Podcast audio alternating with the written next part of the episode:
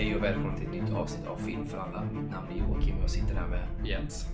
Och eh, idag eh, har det ju gått eh, en vecka med uppehåll. Ja. Lite ofrånkomligt i semestertider och lite sjukdom som kommit i vägen. Men nu kör vi och vi börjar med lite nyheter. Mm.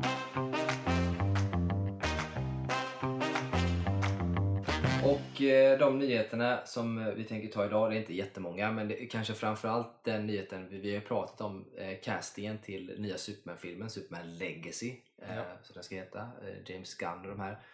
Eh, och då har det blivit klart med vem som ska spela då Superman och Clark Kent och vem som ska spela eh, Lois Lane.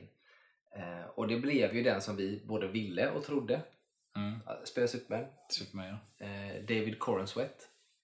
Ja, jag vet alltså hans efternamn är fortfarande, jag vet inte hur jag ska uttala det. Ja, det, Jag vill säga Co- Coren Sweat. Men det blir typ Coren Sweat. Ja, det blir så. Corenswet. Corenswet, han heter det. David Corenswet i alla fall. Eh, som ska spela. Och det... Eh, ja, det har ju blivit lite av ett eh, ramaskri eh, såklart. Och inte så konstigt eh, heller. Eh, för Henry Cavill var ju så omtyckt av så många Ja. så att det blev en backlash direkt. Det är ju så att säga återigen när det kommer till alla backlash är det en minoritet ändå. Men Ja. det är de som syns och de som hörs. Men jag tror att jag tror att det kommer lägga sig rejält för jag tror att han kommer vara så jävla bra. Eh, Det är ju säkert som det alltid är när det är allt, all sån här casting. Folk blir arga och sen så ser de det och så blir det så, ah, okej. Ja men jag tror att så är, precis så tror jag också att det kommer vara. Jag, tror att och det, jag tycker ändå att det har lugnat sig bara de sista, liksom, sista veckan nu. Ja. Lite mer. Men jag ser ofta många som lägger upp så här bilder parallellt med Henry Cavill och David Corenswet bara för att jämföra hur de ser ut. Ja.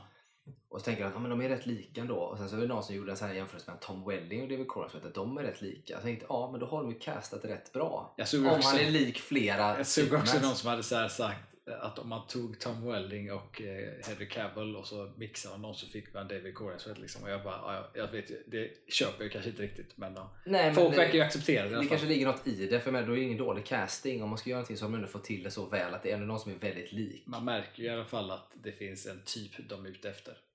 Ja, gud ja.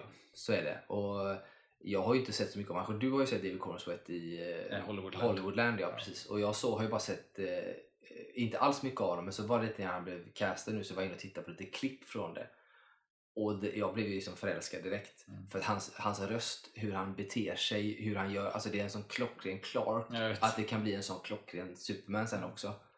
Det är så jävla bra. Eh, jag tror att han kan göra, för det får man ändå ge, och det är inte kanske nödvändigtvis bara Henry Cavills fel, men Henry Cavill var ju ingen bra Clark.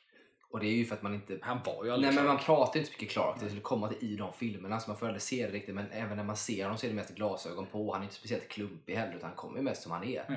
Men David Corenswet, när man ser honom i den rollen han gjorde i Hollywoodland och så vidare så är han ju lite mer den här Christopher Reeves Ja. Ja. personen. Ehm, så att jag, tror, alltså jag är så jävla nöjd med den här castingen. Det är väldigt sällan, ibland kan jag känna att ja, men intressant casting kommer bli kul men det här är så klockren, klockren verkligen.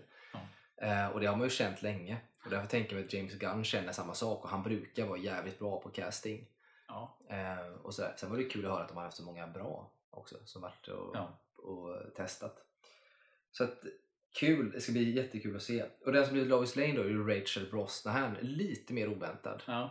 Eh, ska jag säga. Jag tror inte Jag- ens jag hade, hade hört att hon var ens tänkt på det. Nej, nej hon, jo jag såg att hon var en av topp tre namnen där ett tag men jag tänkte att av de topp tre så är hon på tredje plats så tänkte jag liksom att hon kommer inte få så här. Men för jag hade velat ha hon som är med i den här Sex Education från Netflix eh, som inte jag kommer ihåg vad hon heter nu. Eh, med, med, Kayla, ja skitsamma. Ja, hon, var- var inte hon rätt högt upp? Ja, men hon är också på den topp tre-listan av de här som var. Och henne hade jag velat ha för jag tycker att hon ser ut lite som den klassiska Re- Reeves Lois med en blandning av det andra också. Sådär. Rachel Brosnan är ju, men hon är duktig. Så att jag tror hon kommer göra det bra. Det som jag läste sen var ju att det har, de bryter nu mot en regel, eller mot en tradition mellan de här två.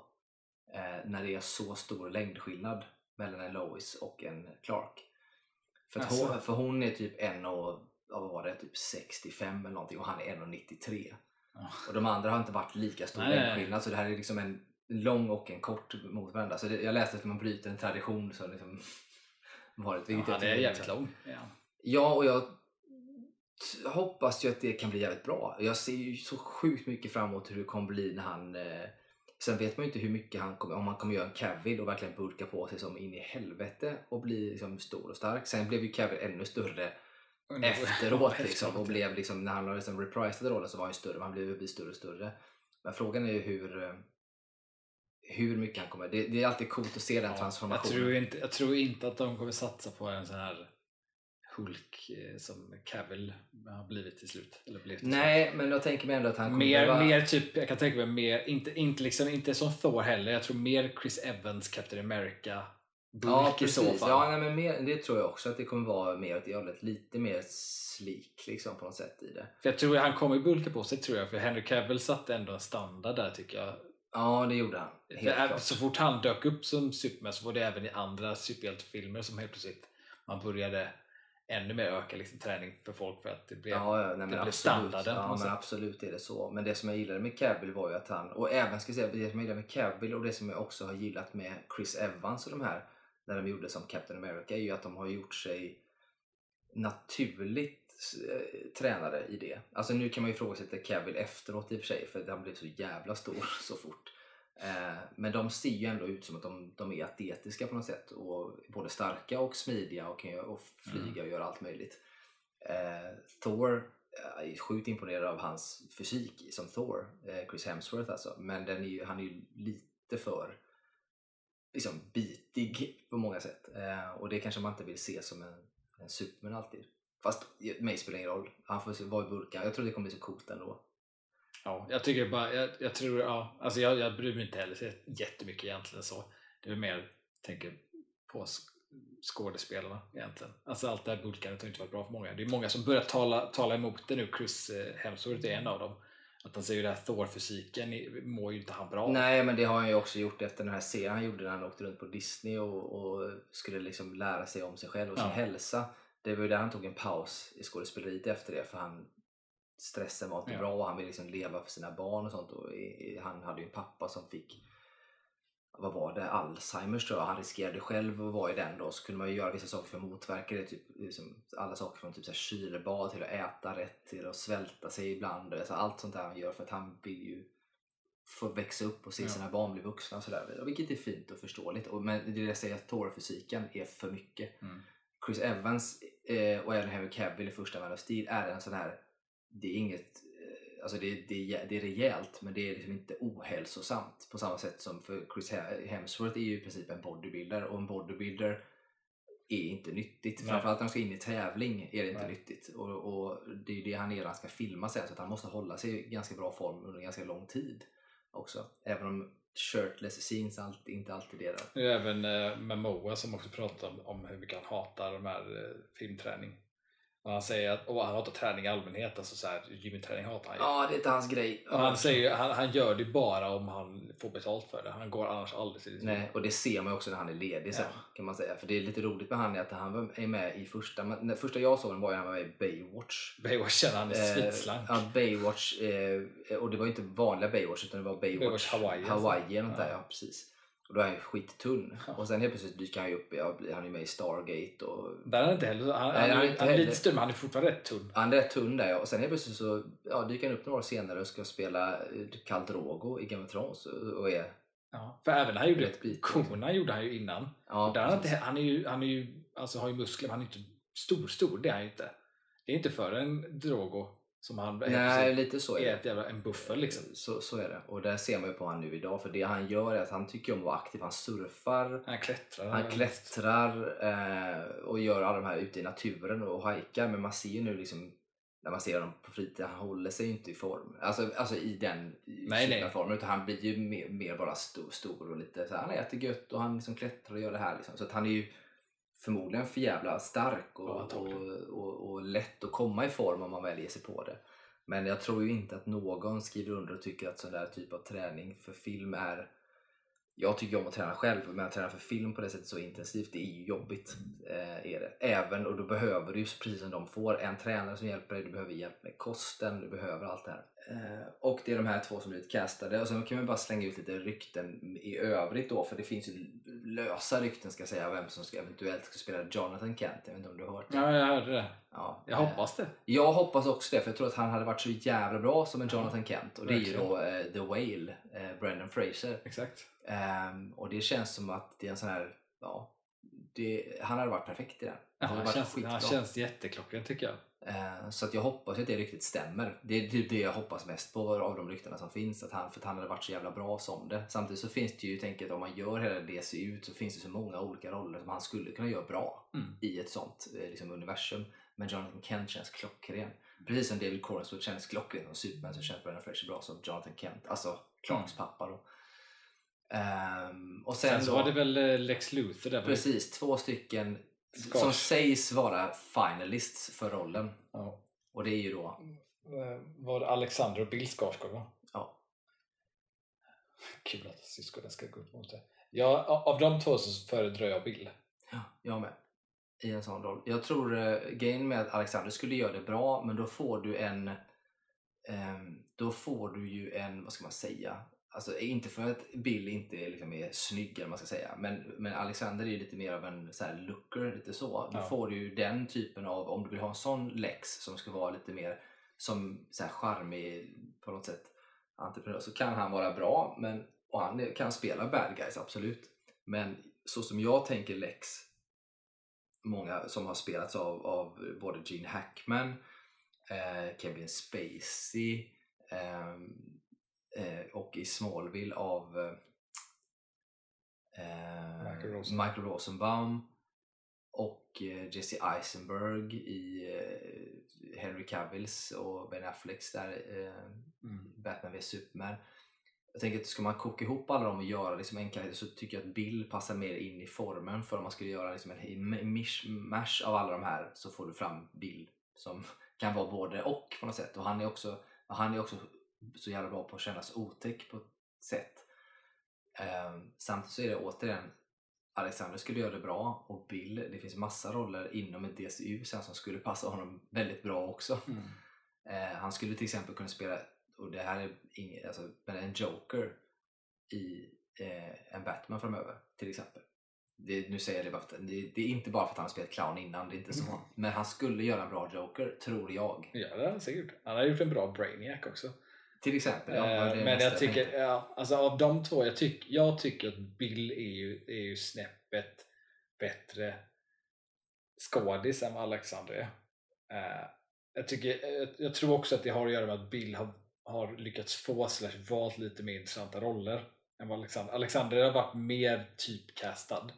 Mm. Eh, och det tar ju alltid, liksom, får man får ju alltid med sig visst- bagage när man gör roller. Liksom, så är det ju så att har man Alexander som Lex så blir det liksom, då finns den typecastingen liksom med liksom, hur folk ser honom som person. Liksom. Det kommer Lite ju vara med. Och samma sak med Bill. Bill har ju varit på grund av typ It och sånt, alltså att, att publik har en bild av den skådespelaren Mm. som jag tror lånar bättre till Lex än vad Alexander har. Precis, jag tror det i dagens tid som det är nu. Men sen så kan vi också titta på, delvis kan det vara om man tittar på Alexander Skarsgård, nu har inte jag sett så mycket själv av just när han är med, men han är med i Succession till exempel, säsong 4.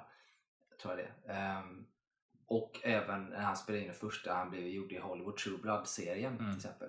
Och tittar man på de två så tänker jag det kan absolut vara en bra lex i det. Mm. Men återigen så säger jag nog att jag tror att Bill är bättre där. Det handlar ju också om att, som du säger, att, inte att man blir typecastad, men Bill har ju valt lite mer sådana roller och kan, man vet att han kan spela det. Mm. Alexander, även om han är duktig så, ja, lite. Sen heter han ju Alexander, vilket är en fördel kanske. Exakt. Det blir som att man, man spelar sig själv. Det spelar sig själv, ja. Eh, så det är ett intressant rykte också. Ja. Eh, ska jag säga. Eh, och vi ska inte förhala oss. Jag tänkte vi hade fler nyheter men jag tror vi nöjer oss med de här DC-nyheterna för, Ja. eh, för den här gå- gången. Men några saker till på DC-nyheter bara då. Eh, det ryktes ju om att de letade efter en, en eh, afroamerikan för att spela Perry White. Mm. Eh, och jag tänkte direkt så här, vi har haft Lawrence Fishburne, varför inte bara ta Lawrence Fishburne? Ta han igen, ja. Ta han igen. Eh, jag tänker att det blir inte omöjligt att det blir han igen. Men det är också James Gunn och han vill göra någonting nytt utan att ta in, för han vet ju också att om man tar in någon som helst som varit från det andra så kommer folk bara varför kan jag inte behålla Harry Cavill? Ja, ja, bla, bla, hit och dit. Så han måste typ eh, få dit någon. Så jag satt själv och funderade på vem, vem skulle jag kunna se som en Perry White som är bra så här, liksom nu och så det så här, Jamie Foxx som har legat på sjukhus och, och konstigheter så man vet inte hur det är med honom. Ehm, och han kanske är lite för, han är ju inte ung i och för sig, men han har kanske ett ungt utseende som kanske inte hade gjort sig. Ja, precis, han ser för ung ut kanske. Eh, på det sättet. Samtidigt blir det typ med makeup går ju Ja, allting det går liksom, så det går ju att lösa. Eh, men sen har man ju andra liksom, så här, jag tänkte också på typ så här, Idris Elba, men han är för cool. Alltså han, han, kom, han skulle ju få en annan roll känns som. Ja, ja. Typ en Green Lantern eller något. Liksom. Eh, även om det inte kommer bli det. Men jag tänker att det finns andra roller för honom. Eh, Han har ju redan en roll. ja, det har han ju egentligen. Och den är ju gjord av James Gunn. Ja, och den är väl i och för sig, kommer ju den ju säkert Peacemaker säsong 2 kommer ju och Suicide Ja. Squad är ju kopplat till Peacemaker så att Ja, och det är på frågan, ett eller annat sätt är det ju lite canon. Ja, det är frågan. Det är det man inte vet än. Nej. Hur mycket kan är det och inte. För det där är ju frågan som sagt. För att, eh, så att det får vi- får vi väl märka. Men det finns en del eh, som sagt. Sen finns det ju sådana som man kanske inte känner till så väl. Eh, som man kan casta såklart. Eh, i det. Mm. Sen var jag inne på så här, att inte vet, och det här är ett stort namn ska jag säga, men som jag var så här, att den hade kunnat vara bra, det är Denzel Washington. Som en Perry White. Men, det är också liksom sådär- för stort ja. namn och Ja. sådär, men han skulle ju lösa det. Liksom. Mm. Eh, annars så tycker jag faktiskt att Lawrence Fishburne var så sjukt bra som Perry White. Han var bra, Ja, han var riktigt bra, bra, Perry han var White. Även om jag inte med så mycket så passar han väldigt bra i den rollen. Lite grann som J.K. Simmons passade bra i rollen som eh, för The Daily Bugle Ja. i Spider-Man. Alltså det blev på något sätt så klockrent Ja. i det. Eh, och jag tyckte också att ska säga, J.K. Simmons passade väldigt bra som eh, Gordon i Batman-filmerna också. När han var Mm. med. Den korta stunden Den han korta fick han vara var med. med så tyckte jag också att han var skitbra eh, som det. Eh, så det var väl det att de letade efter en afroamerikansk skådis där och att de letar, och det här är ett väldigt löst rykte nu, men det sägs att de letar efter en asiat-amerikan till att spela Batman. Och det är ett väldigt eh, rykte som jag bara läste häromdagen som sägs då. För det är lite, går lite sån här liksom, rykte nu kring att man vill göra det mer inkluderat och just att man har då eh, haft David Corenswet som är liksom vit. Man har en, en Wonder Woman som eventuellt då, det blir förmodligen inte Gal Gadot, men det, om man tänker ska vara det så är hon liksom Mellanöstern, Israel, så vill man liksom ha någon eh, liksom lite mer inkludering i det då. Ehm, och det finns ju liksom intressanta, jag ser ju eh, framför mig, jag kommer inte ihåg vad han heter nu, ehm, men som var med i den här, om det är Crazy Rich Asians, Ja, jag vet vem du menar. och som spelade med den här romantiska komedin med Emilia Clarke som jag inte har sett. Men, Ja, jag vet vem du menar, jag kommer inte ihåg vad han heter men jag vet. men han så här, är ju en sån som jag hade absolut eh, och så här, kunnat tänka mig det. Eh, på ett sätt. För att, eh, ja, jag ser inte Alltså, att det är ett man, alltså, egentligen. nej, jag bryr mig inte överhuvudtaget om det.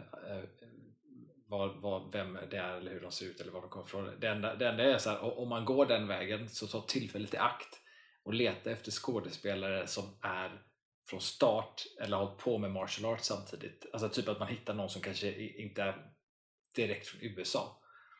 Alltså man kanske kan hitta någon som har varit och även gjort film i Asien. Det finns ju både och kan man säga. Men det är eh, såklart, det behöver man ju hitta. Man vinner ju jättemycket av den fysiska delen på att göra Ja, så är det ju såklart. Men du, du kan ju inte ha en eh, Batman som inte pratar engelska bra heller. Eller amerikanska då. Liksom. Nej, men storskådisarna i Kina de kan ju engelska. Ja, om de kan det tillräckligt väl ja, så är det ju lugnt. Det finns bra Eller i Kina. Korea, kore, koreaner, Ja, det finns de bra är i Kina på och eh, Korea ska man säga. Eh, och här kan man ju bara känna med, här hade ju han, eh, eh, vad heter han, Mark DeCascos heter han va? Eh, som var någon sån, han är ju halvamerikan, halvfilippiner tror jag. Han var ju känd, han gjorde mycket sån här på 90-talet. Mm. Eh, Ja, just han, det. han Ja. skulle ju varit perfekt om man nu letar efter det på Mm. det sättet egentligen. För han var ju också dessutom martial artist och, och dessutom en blandning. För det som jag tänker blir svårt om man skulle casta på det sättet det är varför heter de Wayne? Eller Wang från början då? Alltså förstår du? Det är så här. För att de har ju en sån likhet, så det beror på hur mycket man vill hålla sig till Lauren eh, från början då va? Alltså, det är ju ändå, Mm. det är ändå alltså, man kan göra vad fan man vill, det är ju en comic book-värld liksom. Man, Ja, kan ja. Lika, man kan lika väl säga att, att, liksom, att de kom till USA för länge sedan. Alltså, sådär. Ja, ja, och så är det ju även med, med, med Wayne när de kommer. Men det finns ju en hel historia till när de kommer dit, att de bygger upp och så vidare. Och, så, och så finns det ju ändå någonstans att, att man håller sig till hur vår, vår historia ser ut. Ändå, även om det är en comic book-värld så finns det liksom ändå Det har ju inte varit så att det kommit för 150 år sedan. Asiater i USA blivit jätterika. Och fått, alltså det finns ändå en viss eh, så att säga, hålla sig historiskt korrekt. Men jag som sagt skiter i det. Jag tror, jag, jag tror att en, en eh, asiatisk Batman absolut kan funka. Ja. Eh, det kan bli skitbra. Så att vi får väl se om det stämmer eller inte helt enkelt. Det är också lite grann att titta på hur, hur Bruce Wayne ofta ser ut i tecknat eller sådär, så, så är han ju alltid svarthårig i princip, väldigt mörkhårig. Och eh, ibland så är han, ser han ju nästan, han ser ju nästan lite asiatisk ut. Eh, Ja, ibland, de. vilket gör att man kan absolut tänka sig att, det, att man kan göra något så. Så vi får väl se. Det återstår helt enkelt att se. Men eh, det var väl allt för de här nyheterna den här gången. Vi får väl följa upp det så småningom. Tänker när det kommer mer. Men eh, vi hoppar in. Jag tänker idag ska vi prata lite olika saker som vi har sett. Både filmer och lite eh, serier. Och både nyare filmer och eh, lite äldre filmer som vi har återvänt. Vi hoppar in på dagens ämne. Ja, och dagens ämne börjar vi helt enkelt med att prata om den första filmen som vi har sett. För du såg den här för ett tag sedan och jag såg den för ja, någon vecka sedan här nu. Och det är ju eh, Guardians of the Galaxy 3. Yes. Ehm, och ja, du kan börja. Vad tänkte du när du såg den? Vad tyckte du om, om filmen? Alltså först eh, och främst är, var det skönt att typ se en bra Marvel-film. alltså att man gick och såg en Marvel-film som man faktiskt gick därifrån och tyckte att "Ja, men det här var en, bra film som jag ändå liksom haft en, liksom en emotionell resa igenom också och, och liksom hållit mig fast vid vad som händer. Liksom. Eh, jag var ju lite så här lite orolig när jag gick in för att se filmen för det var ju så mycket rykten om så här ja, det blir lite spoilers nu då Uh, av, av, om, om någon kommer dö av karaktärerna och vem som kommer dö och så vidare. Så jag, jag var ju såhär, "Ah, jag vill inte veta vem som dör eller om någon dör. Liksom, så där. Eh, men så som det ändå liksom blev i slutändan så var det liksom ryktena i stort sett väldigt fel i typ det mesta. Vilket jag var lite förvånad över också, att det ändå var så pass eh, stora saker som inte stämde alls. Eh, och sen så var jag lite förvånad, visst det var ju mycket prat om i den filmen att det var James Gunn även själv sa så att det är typ Rockets film. Mm. Och det är det ju. Men jag, jag förväntade mig typ att det skulle vara mer Rockets film än vad det, Det, var. det, det är Rockets film men han är typ med mindre Ja, han- än vad han varit med i de andra Exakt, två. ja. ja. Eh, inte för att jag tycker filmen är dålig för det, det var bara att jag förväntade mig det mer. Eh, men ja, jag tyckte att det var väldigt, den var liksom fin, den var emotionell. Det är ju för att Rocket är the emotional center i Ja, exakt. liksom. Ja. Allting kretsar ju kring honom. Eh, även fast han inte är vid medvetande.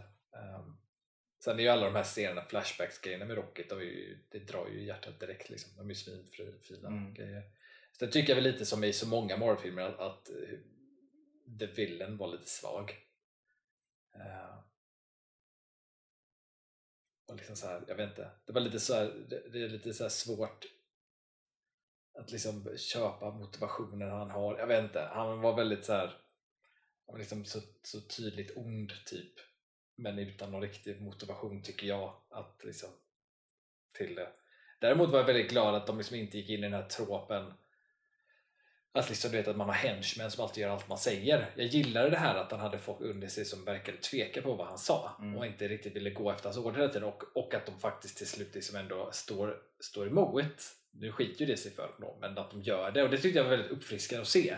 Mm. Eh, för att man sitter, jag kommer ihåg att jag satt där och bara tänkte typ så här, Alltså först var det så här, fan, ja, en till sån, så, här, så började de vara lite uppkäftiga mot honom ibland så här, och säga emot så var så här, lite förvånad under filmen. Bara, ah, okej, varför reagerar han inte? Så här, då? Lite konstigt så. Så jag är ändå glad att de gjorde en payoff på det. Mm. Ja, Jag eh, håller ju med i stora drag. Eh, Sen är det ju som Villains i Marvel-filmer har ju sagt inte varit superbra. eh, Så.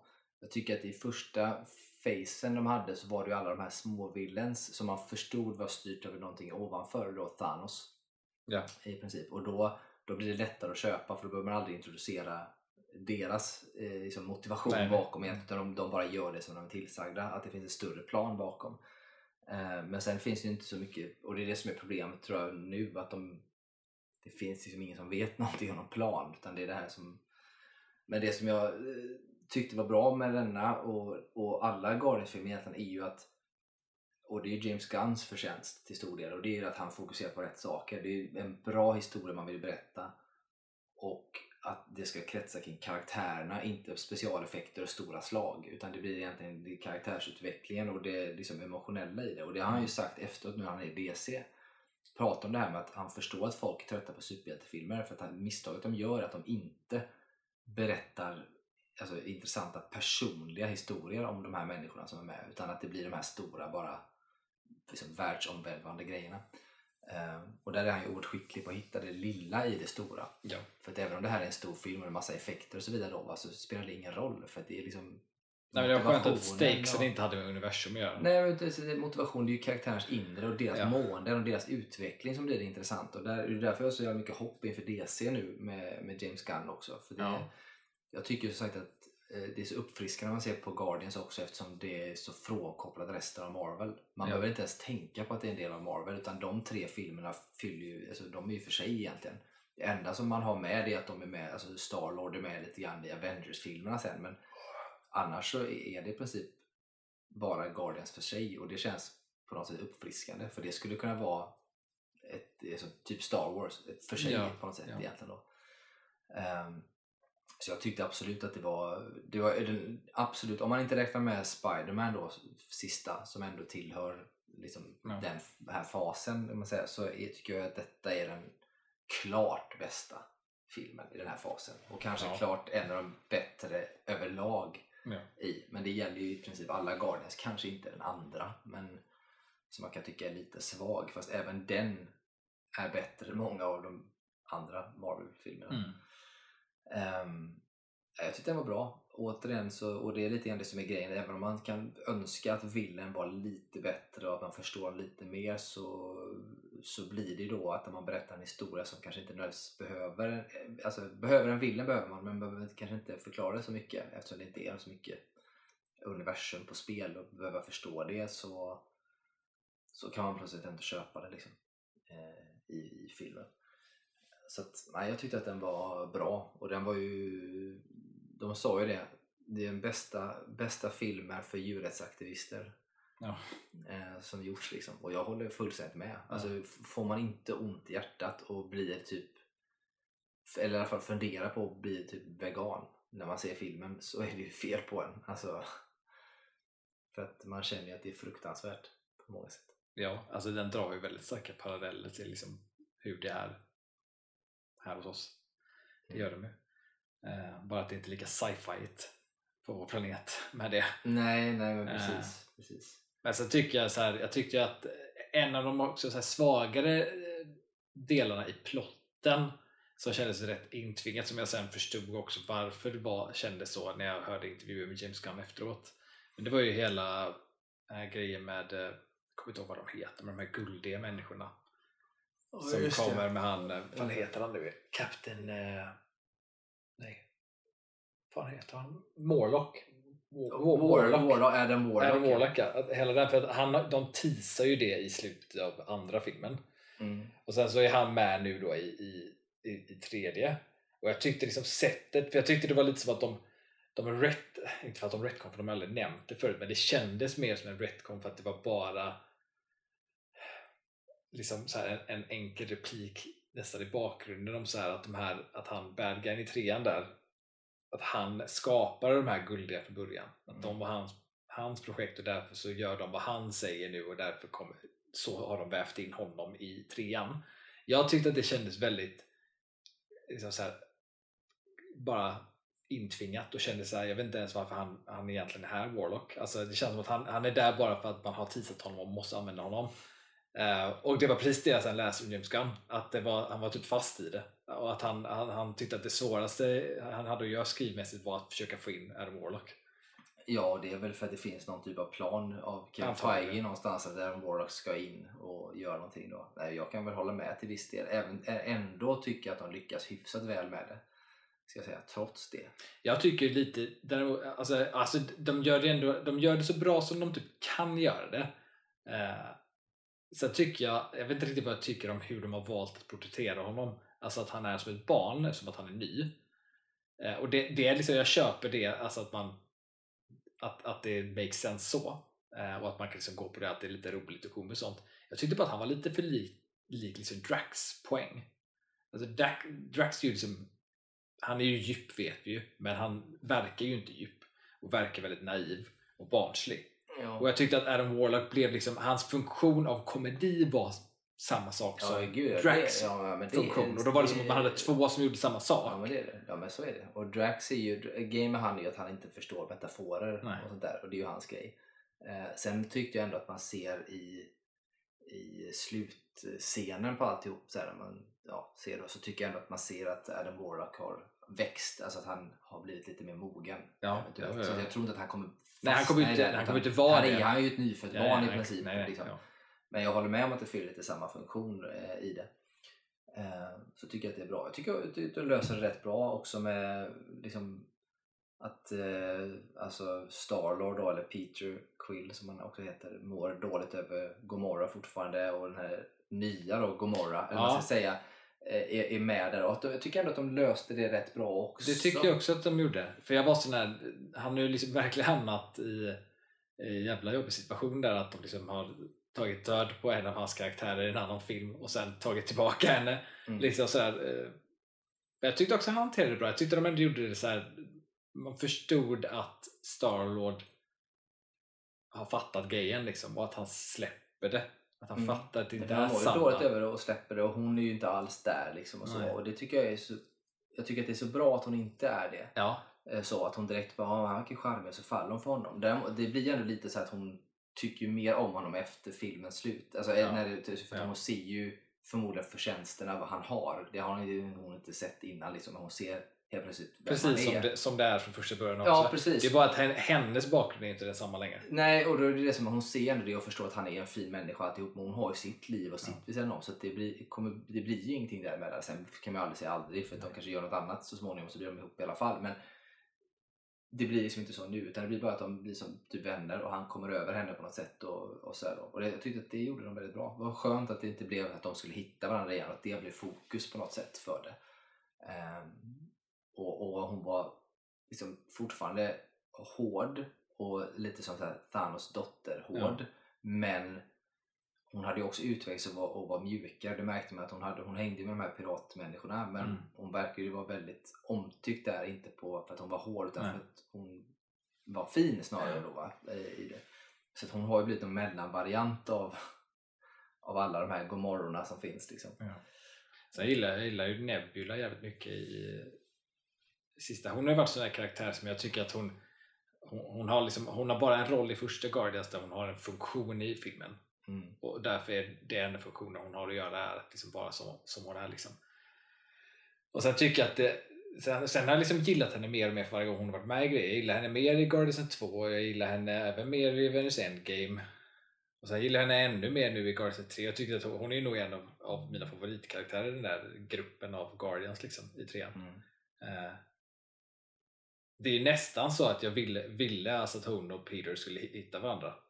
Ja men lite För så. de hade väldigt fin kemi. Mm, tycker jag med. Jag tycker att de är väldigt eh, bra i det faktiskt. Sådär. Men jag, jag tycker också att hon är en bra karaktär som har gått från att vara liksom, antagonist och lidande och fortfarande är li, lidande men hon, hon, hon, hon får ju aldrig, så säga, alltså hon får ju closure. Liksom, Thanos dör ju och hon får gå vidare men hon tar ju också sen ett jävligt stort ansvar Ja. för det är hon som stannar kvar och ser till att den här stan med alla ska funka. Alltså, hon, hon tänker inte på sig själv. Liksom. Hon har verkligen gått och blivit någon som går ifrån att göra det hon är tillsagd och tänka på sig själv till att hon mer eller mindre offrar det lilla hon har av sig själv för alla andra. På något sätt. Man märker ju, han har ju tagit vara på vad som hände i Avengers-filmerna därför att om man, om man tittar på dem bortsett från eh, nej, nej, han försvinner ju. Ja. Eh, Så av den gruppen där så är det ju i den stan där så är det ju främst Nebula och Rocket som är liksom, har någon form av så här ledande funktion. Mm. Och det är ju inte konstigt för att det är ju de som också klarar blippen. Mm. Så de har ju liksom sett konsekvenserna av blippen, alla andra är ju liksom bara tillbaka igen. Ja, precis så är det. Ja, Jag tyckte den var... Jag gillar den. Men om vi ska ratea den då? Vad har vi för efter 10 eller? Ja. Gud, ja men typ en uh, sjua. Mm. Exakt det jag tänkte. Jag tänkte också en sjua. Det är... En stark sjua skulle jag säga. Ja, ja nej, men absolut. En sjua för mig, eh, tycker jag. Sen är det som sagt, för att det ska bli högre än så så... Eh, ja, det är fan svårt. Ja, det är svårt, framförallt om det är en superhjältefilm så är det svårt. Men eh, om det då inte är typ The Batman. men, Men ja, en sjua då. Eh, bra, då lämnar vi den och så går vi in på nästa filmer. Och här slår vi ihop två filmer i ett eh, egentligen. Eh, eftersom tvåan kom ut nyss. Nu är det ganska länge sedan jag såg ettan. Du såg ettan och tvåan nästan direkt på varandra. ja direkt Eh, efter. nu. Eh, jag såg ju tvåan, men jag såg ju ettan för, ja, när den kom då för ett eller två år sedan. Mm. Och det är ju Netflix-filmer då. Mm. Extraction 1 och 2 med. Chris Hemsworth i huvudrollen. Som en eh, militär som helt enkelt håller på med extractions. Kan man säga. Han Ja. eh, befriar folk och tar dem från ett ställe. Exakt. Så. Och då är, kan man ju säga, jag tycker ju att tvåan är bättre än första. Ja. Ehm, Håller med. helt, eh, helt klart och det ska bli spännande att se vad det blir framöver med det. Sen så är det ju ganska sådär, jag tycker tvåan ändå, det känns ju ändå som en hyfsat liksom, bra actionrulle. Sådär, det finns någon karaktär man stör sig på. Ehm, och sådär. Första kändes det som, och därför att det finns, det finns lite mer story, det finns liksom lite mer stakes. Han ska ta sig tillbaka först och främst. Och, för han är skadad och sådär. Ja. Och liksom komma in i det igen och, och komma tillbaka. Och det känns återigen sådana grejer att det blir mer personligt till skillnad från första. Det känns som att det bara är massa pang-pang och skjuta och man liksom inte riktigt förstår varför man offrar så mycket för det här lilla liksom.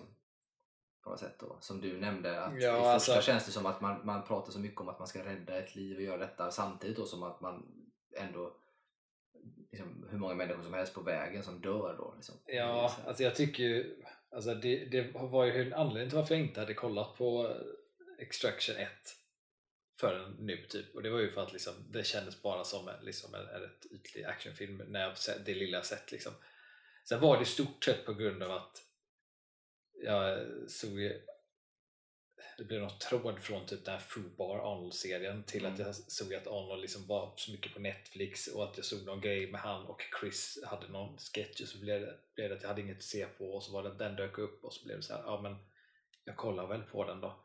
Ehm, jag tycker ändå, alltså filmerna i sig, jag tyckte ändå att första filmen var så rätt underhållande. Ehm, bara alltså för att vara bara en actionfilm så. Det är bara att det, det är lite för mycket. Eh, och främst att det är för mycket utan en poäng. Och det är ju regissören bakom är ju existent stuntman tror jag. Och hela första filmen känns ju i stort sett som liksom så här. Det här är stuntfolk som bara liksom, du vet, gör det de tycker är kul och de vill liksom visa vad, vad man kan göra och, och tänja lite på gränser, vad för typ av actionscener man kan göra och hur man kan använda kameran i actionscener och sånt. Um, och jag tycker att det, det görs väl. Uh, man märker att det är folk som verkligen vet vad de gör bakom. Det är det. Det är ju bara det att eftersom att det är sån fokus på stunt så tappar storyn och då blir det lite så här motivationen till att bry sig försvinner och då hjälper det inte att det är stunt. Då tittar man ju bara på en sån film för att det är verkligen det man älskar att se. Eh, och jag, men alltså jag vill ju gärna åtminstone bry mig eh, i det. Och där är det största felet i första filmen för mig är Alltså jag har, ingen, jag har ingenting problem med hans motivation för att han är ju trasig. Och ska han rädda den här maffiasonen i Indien där? Eller i Palestina? Nej, vart är de? Indien, ja, eller Pakistan. Pakistan är de i. Mm. Eh, och, eh, och att den här ja, sonen, han är ju oskyldig. Han, är inte, han, han kan inte hjälpa med hans pappa gör allt det där. Så jag fattar ändå så här, för att han hade ju en dotter som han förlorade allt det här och skulder och bla bla bla. De går inte in jättemycket på det, men det är ändå tillräckligt man ska fatta att han ser ju då såklart alla barn ser han sitt barn, så Mm. det är inte så konstigt. Så att han kommer vilja rädda det här barnet även när saker skiter sig och så vidare. Och så vidare. Det är bara det, för mig faller ju det på grund av att eftersom att det är så mycket action i det och action som liksom inte har en poäng i att storyn vill ge en poäng i att, att ett, ett liv är viktigt. Och då är det liksom så här, i, i actionfilmer så bryr man sig inte om en bad guy dör. Och det finns vissa bad guys som är liksom rena bad guys i filmen som liksom dör och skjuts och har liksom actionscener med. Man bryr sig inte så mycket om det. Men sen är det alltså, ju längre in i filmen vi kommer desto mer ser vi att det blir liksom attacker och fighter med speciellt poliser i Pakistan. Och visst, vi får reda på då i storyn att så alla är köpta av uh, maffian. Liksom så. Det är Jo, det ju klart, klart kanske organisationen är, men alla, alla poliser där inne, även om de är, liksom, organisationen är uppköpt så är fortfarande de tror ju att de gör ett bra jobb. De ser ju det som att de är good guys. Alltså de är ju bara vanliga människor. Och det blir så här, se folk, liksom, poliser som bara gör sitt jobb skjutna hela tiden under hela filmen liksom. Bara för den här liksom, pojken som liksom ska räddas. Så blir det, så här, det blir motsägelsefullt och för mig blev filmen svagare av det. Ehm, Ja men det är ju hela problemet med första. Ja. Det är så. Däremot blir ju andra bättre för att där lägger man mer fokus på att alltså, de han har fighter med är ju faktiskt liksom direkta antagonister till honom och hans mål. Mm. Eh, och att de har en koppling till att personen han ska extrakta ut är liksom hans exfrus syster och deras barn. Liksom, så han har ju en direkt koppling till det. Mm. Vilket gör att man, man fattar mer varför han gör som han gör. Eh, och även att actionscenerna är liksom lite bättre. Det är ju sån där, som, så som jag sa till dig, så att jag kan liksom tas lite ur actionscener när, när man för det är väldigt populärt att göra sådana här one-shots i action. Att man försöker få det att, att pågå så länge som möjligt. Typ en av de kändaste är den Oldboy-scenen i korridoren. Mm. Ehm, men i, i Extraction 1 där så har de ju många ställen man fejkar långa tagningar. Så man har ju liksom gömda klipp i. Eh, och ibland så är de helt osynliga och du märker inte ens av dem. Men ibland är det en sån som märker du av vart det är liksom stitchat som man kallar det. Och i första det märks ofta så att oj, där såg jag stitchen, där såg jag, där bytte de. Jaha, det är därför den grejen gick framför kameran. Tvåan är det mycket bättre och flyter på mycket bättre. En budgetgrej också antar jag. Mm. Eh, tycker att, att hela scenen med i fängelset i tvåan när han ska bryta ut den här eh, exfru syster och barnen där. Det är ju, där kan jag se något enstaka stitch här och där men det är ändå väldigt välgjort. Mm. Och känns ändå som ett, det känns som att det är, typ, är väldigt långa tagningar ihopsatta men jag tror att de är kortare än vad de känns. Och det förmodligen tror jag är för att de har gjort ett väldigt bra jobb Mm. med det. Det kanske har att göra med att man som, som regissör, som ex-stuntman och alltihop eh, kanske lär sig också tänker jag, Mm. när de gör det. Och sådär. För det finns ju one-shots, alltså one-shots, alltså det är för att, för att förklara sig så när man inte klipper mellan utan man låter en, en enda lång tagning helt enkelt, det brukar man säga. Och där finns ju, så här, det var ju för några år sedan och det här började ju framförallt i, eh, i Asien. Eh, Ja. med, med sådana, man gjorde Oldboy den kändaste, sen så gjorde ju Daredevil en sån eh, hommage nästan till, till Oldboy och gjorde mycket av det i det första Daredevil-serien som gjordes. Eh, Ja, men det, det blev ju en hel grej hela Netflix Marvel där. I alla de serierna så hade ju alla en Courier fight scen typ. Ja, lite så. Men sen så var det också Daredevil överlag hade ju många så kallade one-shot-scener. Det skulle vara länge. John Wick har gjort det lite likadant med Mm. långa scener man slåss på det sättet. Och sen så den, fast den mest kända, som, om man nu gillar action på det sättet, är ju en film som kommer från jag tror att den är filippinsk och det är ju The Raid. Ja, The Raid, ja. Den är ju liksom känd för att ha en av de absolut längsta one-shots och det är ju verkligen en äkta one-shot. Eh, lång, och det, där är det supermycket action hela tiden men, Ja. och där finns det verkligen en sån sjukt lång one-shot. Och sån här brutal klassisk, nu även om det är Filippinerna så är det väldigt klassisk Hongkong stuntfilm Ja. eh, tänk där. Du ser folk att de ens överlever de jävla fallen även om det finns skydd så är det helt galna grejer de gör. Ehm, så det är tips för om man vill se riktigt, riktigt bra eh, sånt så kan man se ja, Oldboy korridorscenen men sen då eh, The Raid får man se riktigt jävla bra eh, sådana. Så Ja. förstår man vad man menar, vad man har att jämföra med. Ja, absolut. The Raid vet jag är en sån där film som eh, det är många st- stuntsmän idag som ofta refererar till att det, det var ju så här topp topp top, top liksom eh, notch av, eh, av action i just en one shot. Ja, den är brutal. Filmen den är en rätt cool film. Den, den känns ju som en, en modern variant av en klassisk Hongkong-rulle. Eh, Ja. Kan man säga. Fast den ändå inte är en Hongkong-rulle utan det är från Filippinerna. Men den är, den är bra. Eh, ja, men jag håller med dig i stora drag. Sen så finns det ju som sagt, alltså det är ju inte på något sätt Ingen av ettan är såklart sämre än, än tvåan såklart men det är ju inga fantastiska filmer på något sätt.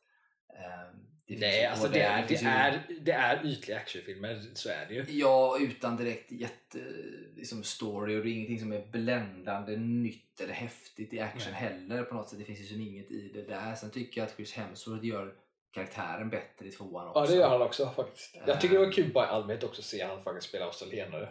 Ja, det, jag tycker det är så skönt när han kommer in och han får ha sin vanliga dialekt. Liksom, att man Det känns som något släpper lite i honom. Att han, att han kunde prata som, som naturligt på något sätt. Ja, möjligt. Möjligt att det är så. För det tycker jag känns eh, skönare än att han ska hålla på och mecka till sig med någon annan typ Ja. finare brittisk engelska eller amerikanska eller Ja. liknande. Ehm, så, men det är som sagt inga... så här- Sen finns det Däremot- små saker man stör sig på som jag stör mig på. Dels är det ju karaktärer eh, Ja, ja. som är helt så här, som man både i första men framförallt andra som jag har färskt i minnet som är så här eh, Alltså som man inte, inte riktigt förstår. Eller som man inte har någon form av empati för. Eller bara, som man bara tycker det är... Ja, men de, gör, de gör val bara för att det är ett val plotten behöver ha. Ja precis och det känns så orimligt. Jag har ju så svårt för när man tvingar in val så tydligt. Eller tvingar in karaktärer eller olika typer av val i filmer på det sättet när det blir så tydligt. För det ju, finns ingenting som motiverar Nej, att man ska göra så. Mer än att man är totalt dum i huvudet då. Och då känner man att då kan ju den karaktären lika gärna dö. Liksom, för det är så här. Eh, och sen är det vissa saker i actionsekvenser och sånt ibland som jag kan tycka är så här. Varför göra det på det svåra sättet när man kan göra det på det lätta Ja. sättet? De, de tar liksom steget upp och gör det liksom svårt för att det är det- coolare och det känns lite Det är mer lite farligt. det, det skulle jag säga är, är den största skillnaden. För att alltså både om man tittar på John Wick-filmerna som är liksom jättemycket överdrivet action hela tiden. Tittar på Extraction som också är det. Båda regissörerna kommer från stuntbakgrunder, liksom, de är förmodligen kollegor, känner säkert varandra Mm, säkert mm. pratar med varandra och använder samma stuntfolk och sånt. Skillnaden är att John Wicks stunt är mer för funktion i karaktärerna och Extraction är mer som en så här visuell vi stuntmän och vill visa coola saker. Ja. Så lite mer, John Wick försöker ju alltid liksom bara ta sig ur grejerna fort Mm. och, och, och ta, ta den enkla vägen ut. Medan i, i Extraction så är det mer så här, det är inte den enklaste vägen ut utan det är den coolaste vägen ut. Typ. ja, fast det blir ju inte det. Nej jag vet. Det blir tvärtom. Men det är bara som ett exempel på Extraction 2, vilket jag sa innan till dig också. Det är det här att eh, när Chris Hemsworth och en eh, av de här bad guysen fastnar på ett glastak ute och stå, ska stå och slåss. Jag tänker direkt så här att det är livsfarligt. Ja. Varför står där ett tak som lutar lite neråt från en stor skyskrapa? Och tänker man att hade det varit John Wick nu eller någonting så hade man ju typ, då hade de ju slängt sig in. Och ta, alltså man ju sig Ja, men det in, för det är värsta- inte så långt vet, att ta sig in heller. Han kan hoppa in och så ligger det massa vapen där nere bland alla döda människor för att han har inget vapen där då. Och så kan han ta det och bara skjuta. Alltså, det är så här helt orimligt. Varför skulle du stå kvar där uppe och, och handfightas med någon som har, lite, har någon kniv också? Där? Alltså det, Jag vet, det finns, det finns, problemet är att det finns ingen motivation för någon av dem att stå där uppe. För, att, alltså för Chris då karaktär, han vill ju skydda, så han, det är klart att han behöver ju överleva för att skydda. Den andra killen, han vill ju heller inte dö för att han vill ju hämnas. Han vill ju inte bara hämnas på Chris, utan han vill ju hämnas på fler runt omkring. Så han har ingen motivation att stå där och riskera sitt liv i den fighten. Båda har motivation att ta sig in. Men det är ju därför den serien inte är så inte... Nej, men den Sekvensen blir konstig. Men saken är, den är ju ändå på något form så är ju den deras stora slutfight-scen egentligen en del, del av den. Ja, innan de äh, möts i slutet. Ja. Ja, men det liksom, ska ändå vara en del av den här uppbyggnaden vilket gör att ska de stå, och den enda motivationen till varför de skulle stå kvar är så att okej, men här, här är det tillräckligt och jag är skickligare så jag kan nog få ner honom härifrån. Men det är en väldigt dålig motivation. Alltså, så här, för det är en ganska stor risk man tar. Ja, och, det- det, så här, det- och det, alltså det är lite sådana Jag tror att den, den, det- där är lite så problemet att eh, den scenen eller sekvensen hade ju funkat bättre om de inte hade gett de motivationer de hade gjort till de två karaktärerna tidigare i filmen. Liksom. Hade, Ja. de, hade de varit liksom sämre och ytligare karaktärer så hade ju den scenen inte stört lika mycket för att man hade kunnat förmodligen acceptera deras val om man inte förstod hur de är eller vad deras motivation är. Men eftersom vi vet vad deras motivation är så förstår vi inte varför de väljer att stå Nej, kvar. men även för bara egen säkerhets skull att stå där uppe känns väldigt märkligt. Alltså det, nej, jag fattar inte det. Det är lite sådana små saker där som jag inte riktigt förstår. Sen är det en sak. Men det är så här, det blir ju coolt för att du står uppe på ett glastak och det känns riskabelt för att man ser neråt mot marken och du kan trilla över när som helst och publiken ska ju sitta där och hålla andan på något sätt. Men jag kände bara att ja, ni får skylla er själva, känner jag med. Så den som trillar den får trilla och dö liksom. Men sen är det en sak som jag stör mig de inte adresserar i tvåan. Vilket jag också tycker, nu, nu kan de i och för sig skriva det, de kan skriva runt det hur mycket de vill. Det som stör mig då är på att de inte, har, att de inte liksom gjorde en sak av det i tvåan Mm. eh, och inte förklarade det. Och de kanske förklarar det någon gång, vad vet jag, men det känns som att de bara struntat i det. Och det är att i slut, jag vet inte, det var ju länge sedan du såg ettan, så jag vet inte hur mycket du minns. Men i slutet av ettan, sista scenen vi har är den här eh, indiska pojken då som blev Mm. tagen eh, i Pakistan där. Och han är hemma och så är han i en pool och så hoppar han ner och så gör han så här liknande grej som eh, eh, Chris karaktär gör att han sitter på botten av vattnet bara och tar Mm. och så, så när han kommer upp ur vattnet där och tar ett andetag igen den här pojken och så i bakgrunden väldigt suddigt ser vi någon som ser ut som Chris Hemsworth liksom. och i första filmen så ser det ut som att Chris Hemsworths karaktär har dött. Så att du är lite så här, du vet, det är lite tease till så här, du vet, att åh, han lever fortfarande. Ja. Men grejen är också att det står så här i, i, eh, i Extraction 1, så innan den här scenen så står det ju så här från att Chris är skjuten Mm. så står det så här nio månader senare tror jag. Mm. Det är sex eller nio månader, jag tror det är nio månader. Eh, och så är det så här, okej, och så är det så här hint slutet att åh, han lever fortfarande. Vilket är så här, det är inget konstigt med det. Det är ju rätt vanligt. Men sen då i tvåan så börjar ju tvåan med att han, han vaknar upp allt det där, har varit i koma allt det där. Och i, i den så Det börjar de- med slutscenen i princip från första kan man säga nästan. Alltså, ja, precis, han, ja, de hämtar upp han ur vattnet där han Ja. trillat i. Precis. Och så är han i koma och så får man reda på att jag tror de säger att det är han, han har varit i koma i åtta månader tror jag de säger.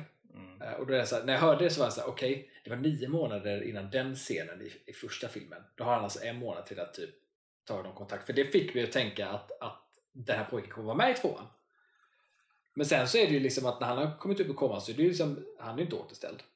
Utan han måste ju dels träna lite grann och sen så direkt skickas han ju någon annanstans och är liksom inte frisk. Alltså han, ju, han är fortfarande skadad och allting så han har ju, det är ju ytterligare tid som går. Så att det de satte upp där för vem det nu var som stod i bakgrunden för den här indiska pojken, det var ju i så fall inte Chris, men det var ju tydligt att det var menat att det Det var är Chris. Liam Hemsworth. Eh, Så att det var bara så jag ville bara att de hade, skulle adresserat det.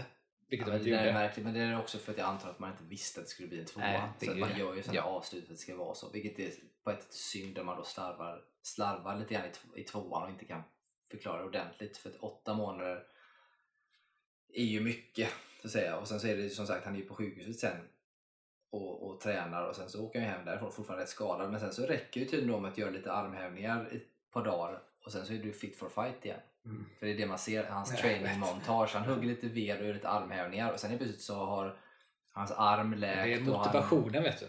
Ja, han, måste, han måste bara vara motiverad till Ja orka. men det är så för mig helt sjukt. Alltså alla, alla som, vilket jag hoppas att inte alla har varit med om, men om man varit med om någon som någonsin skadat sig så pass att man legat inne på sjukhus eller och egentligen för ganska lite småskador till exempel, men varit, ändå varit inne på sjukhus och kanske har opererat någonting och ska träna sig upp en, en arm som är bruten eller vad som helst. Vet att det krävs mer än det där för att du ska vara fit for fight och kunna ut och fightas igen och du vet springa runt och vara stark och skjuta med vapen. Alltså, ja. Men det är inte verklighet så att vi ska bortse från det. Men det är lite störiga grejer. Däremot kan jag tänka mig, något jag hoppas med trean är att jag hoppas att de kopplar tillbaka till den slutscenen i ettan och att, att de visar att det inte var Chris. För att de presenterar ju Idris Elbas karaktär Mm. är ju presenterad i tvåan som någon sån här som jobbar för någon som vill eh, anlita honom. Mm. Och det skulle faktiskt kunna vara så att någon kopplat till den organisationen står vid den poolen för att de behöver använda den här pojken för att han har en koppling med honom. Mm. Så att de kan knyta in han, han för att han är nog rik maffiason liksom. Han kan ju ha, liksom, nu kan, kan man också tänka sig att det går ju något år, två, tre år framåt liksom också. Så, där, så att han börjar liksom kanske börjat fatta vad han kan göra. Han Ja, vill hjälpa också. Att det kanske är så att de använder sig av honom för att han, han ska kunna återvända i trean och hjälpa Chris på något sätt. Ja, någonting måste de Vilket ju- jag skulle tycka var fint. Ja, men någonting måste de göra med det. Men då kommer det verkligen vara, för de kan ju inte återskapa den scenen, men man kan ju förklara på något sätt. För den pojken är ju, alltså det händer mycket i, när man växer upp. Så den pojken är, Man behöver inte ha scenen, jag tänker bara att man får liksom förklara eh, personen stod i bakgrunden får man bara säga inte var Chris för att det kan inte vara Chris. Det kan inte vara karaktären. Eller hur man nu väljer att göra det. Det hade varit skönt att, eller det hade varit kul om man adresserat i alla fall på något sätt. Men, men vi ska släppa Extraction. Eh, filmerna där. Vi, eh, du får ratea dem då, båda, båda två. Inte som en helhet utan en var för sig. Då, Ja. jag. Eh, första får en trea. Andra får en fyra. Mm. Det är ju ändå eh, vettigt ska jag säga. Jag tänkte också en trea på första. Eh, och sen så var jag lite grann på att jag nog ändå tänker att jag ger en svag femma. För att inte ska, jag tänkte säga fyra men så tråkigt att säga samma. Så jag säger femma ändå. För att ändå, ändå en film som man kunde se utan att tröttna för mycket. Eh, Ja. som ändå gick. Så jag tyckte den är ändå godkänd. Men på- liksom, på gränsen godkänd. Så den får fem. Eh, en svag femma. Mm. Bra, bra. Eh, vi har två filmer kvar men vi ska först ta en serie däremellan tänker jag. Eh, den nya, sen kommer vi in på två lite äldre filmer.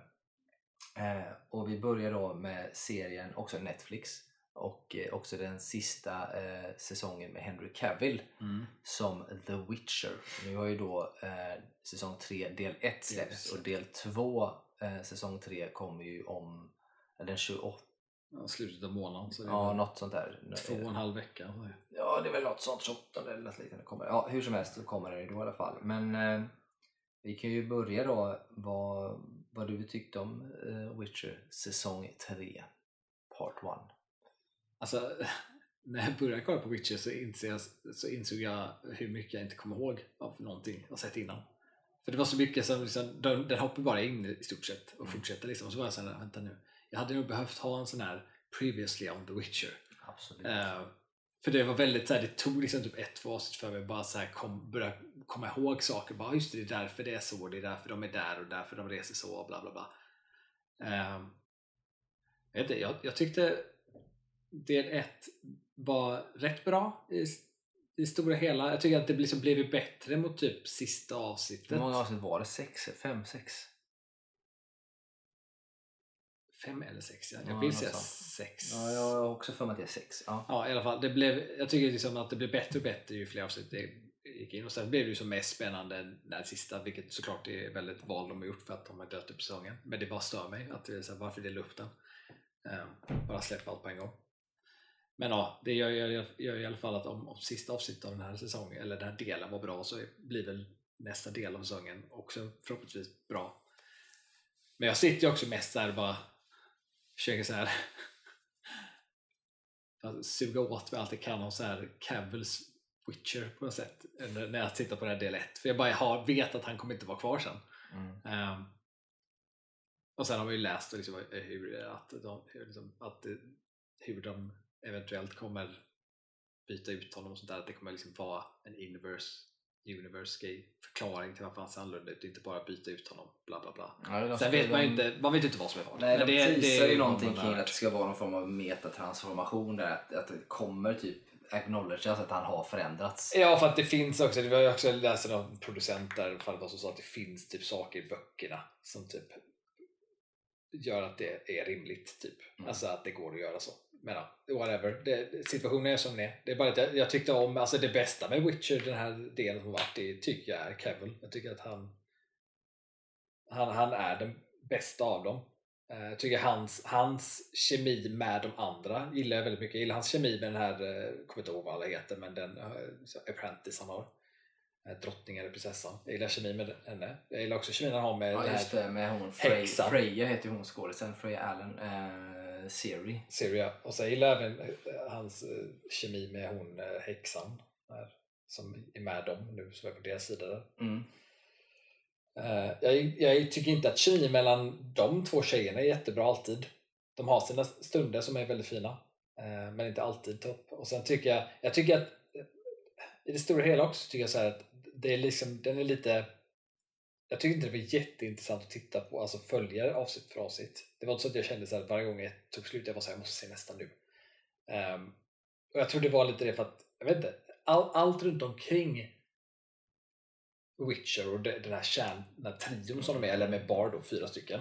De, jag, gillar ju hela, jag gillar den gruppen, den enheten. Men allting runt omkring i periferin jag vet inte om det är att det typ känns för stort.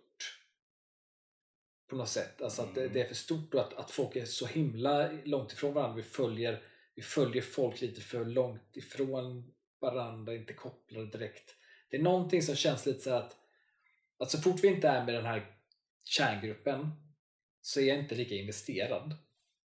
Och jag vet inte riktigt vad det är som gör det. Nej, men det kan jag förstå. Ja. Och att jag har lite så här, jag vet inte riktigt, jag vet att hon Si- Siri är viktig och alla hela tiden påpekar att hon är viktig men jag har inte riktigt känt att jag fått se varför hon är viktig. Alltså, jag har inte riktigt, eller jag har inte riktigt förstått varför alla de olika sidorna tycker hon är så viktig. Utan det är mer bara att hon är det. Ja. Eh, och det är ju lite kul med tanke på att både första säsongen men framförallt kanske andra säsongen gör ju mycket för att förklara på något sätt varför hon är viktig. Ja. Men de lyckas ju uppenbarligen inte. Eh, Jennifer heter hon för övrigt, häxan. Jen- just det. Jennifer av Wengerberg. Med Y. Ja. Jennifer. Jennifer. Jennifer. Ehm, och jag är ju precis, jag håller med dig. Jag tycker att den är så bra. Jag tycker att det är fantasy så man gillar ju alltid det på något sätt. Ja. Det, man är ju nörd på det sättet och jag tycker att Cavill är bra. Jag tycker att den verkligen har tagit sig nu för nu finns det ändå en sån linjär story man följer och så ja, är det det som händer, det händer. Ja. Det, det som jag tycker fortfarande var bland det största misstag som jag tyckte var jobbigt i första säsongen, även om den också var okej, men det var att det var så jävla hoppigt. Ja. Eh, och du vet olika tidsgrejer och hit och Ja. dit. Och där hängde jag inte med för fem öre kan jag säga vad som hände. Alltså, egentligen, det var ju bara att försöka sitta och titta. Ehm, och sen säsong två är också lite, det är mycket tillbakablickar, lite sånt. Och så, här, så jag tycker inte att de lyckas förklara, för jag är fortfarande så här. Varför är de inte överens med alverna? Och eh, vad är det som är hotet egentligen? Alltså det, jag, jag, Nej, jag vet- jag vet inte heller vad fattat- hotet är. Nej, men jag har inte fattat, och det här är säkert en sak som och det här jag tror att de är misstaget. Jag vet inte om det är misstaget i Cavills fel eftersom han är en sån nörd i det själv och varit inne i, i manusdelarna. Eller om det bara är som det är. För jag kan ju känna att det blir lite av... eh, För de som har läst böckerna eller, och eller spelat spelen har säkert stenkoll på vad det är för hot ja. och kan detta. Men jag som inte har gjort det känner mig fortfarande väldigt förvirrad. Ja. Mer att man vet att Siri på något sätt är viktig.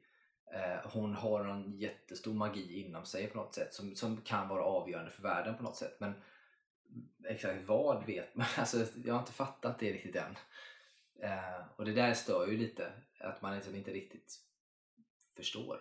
Liksom. Sen tycker jag ju att alla karaktärerna från säsong 1 och fram till nu har utvecklats rätt bra. Mm. Tycker, det, det tycker jag att de landar rätt bra i det de är i, i nu på Mm. något sätt. Och även eh, Jaskier då, alltså barden där, Ja. som har fått ganska mycket kritik eftersom han har blivit bisexuell nu då. Eh, och, sådär. och det är han ju inte tydligen eh, i böckerna på det sättet. Mm.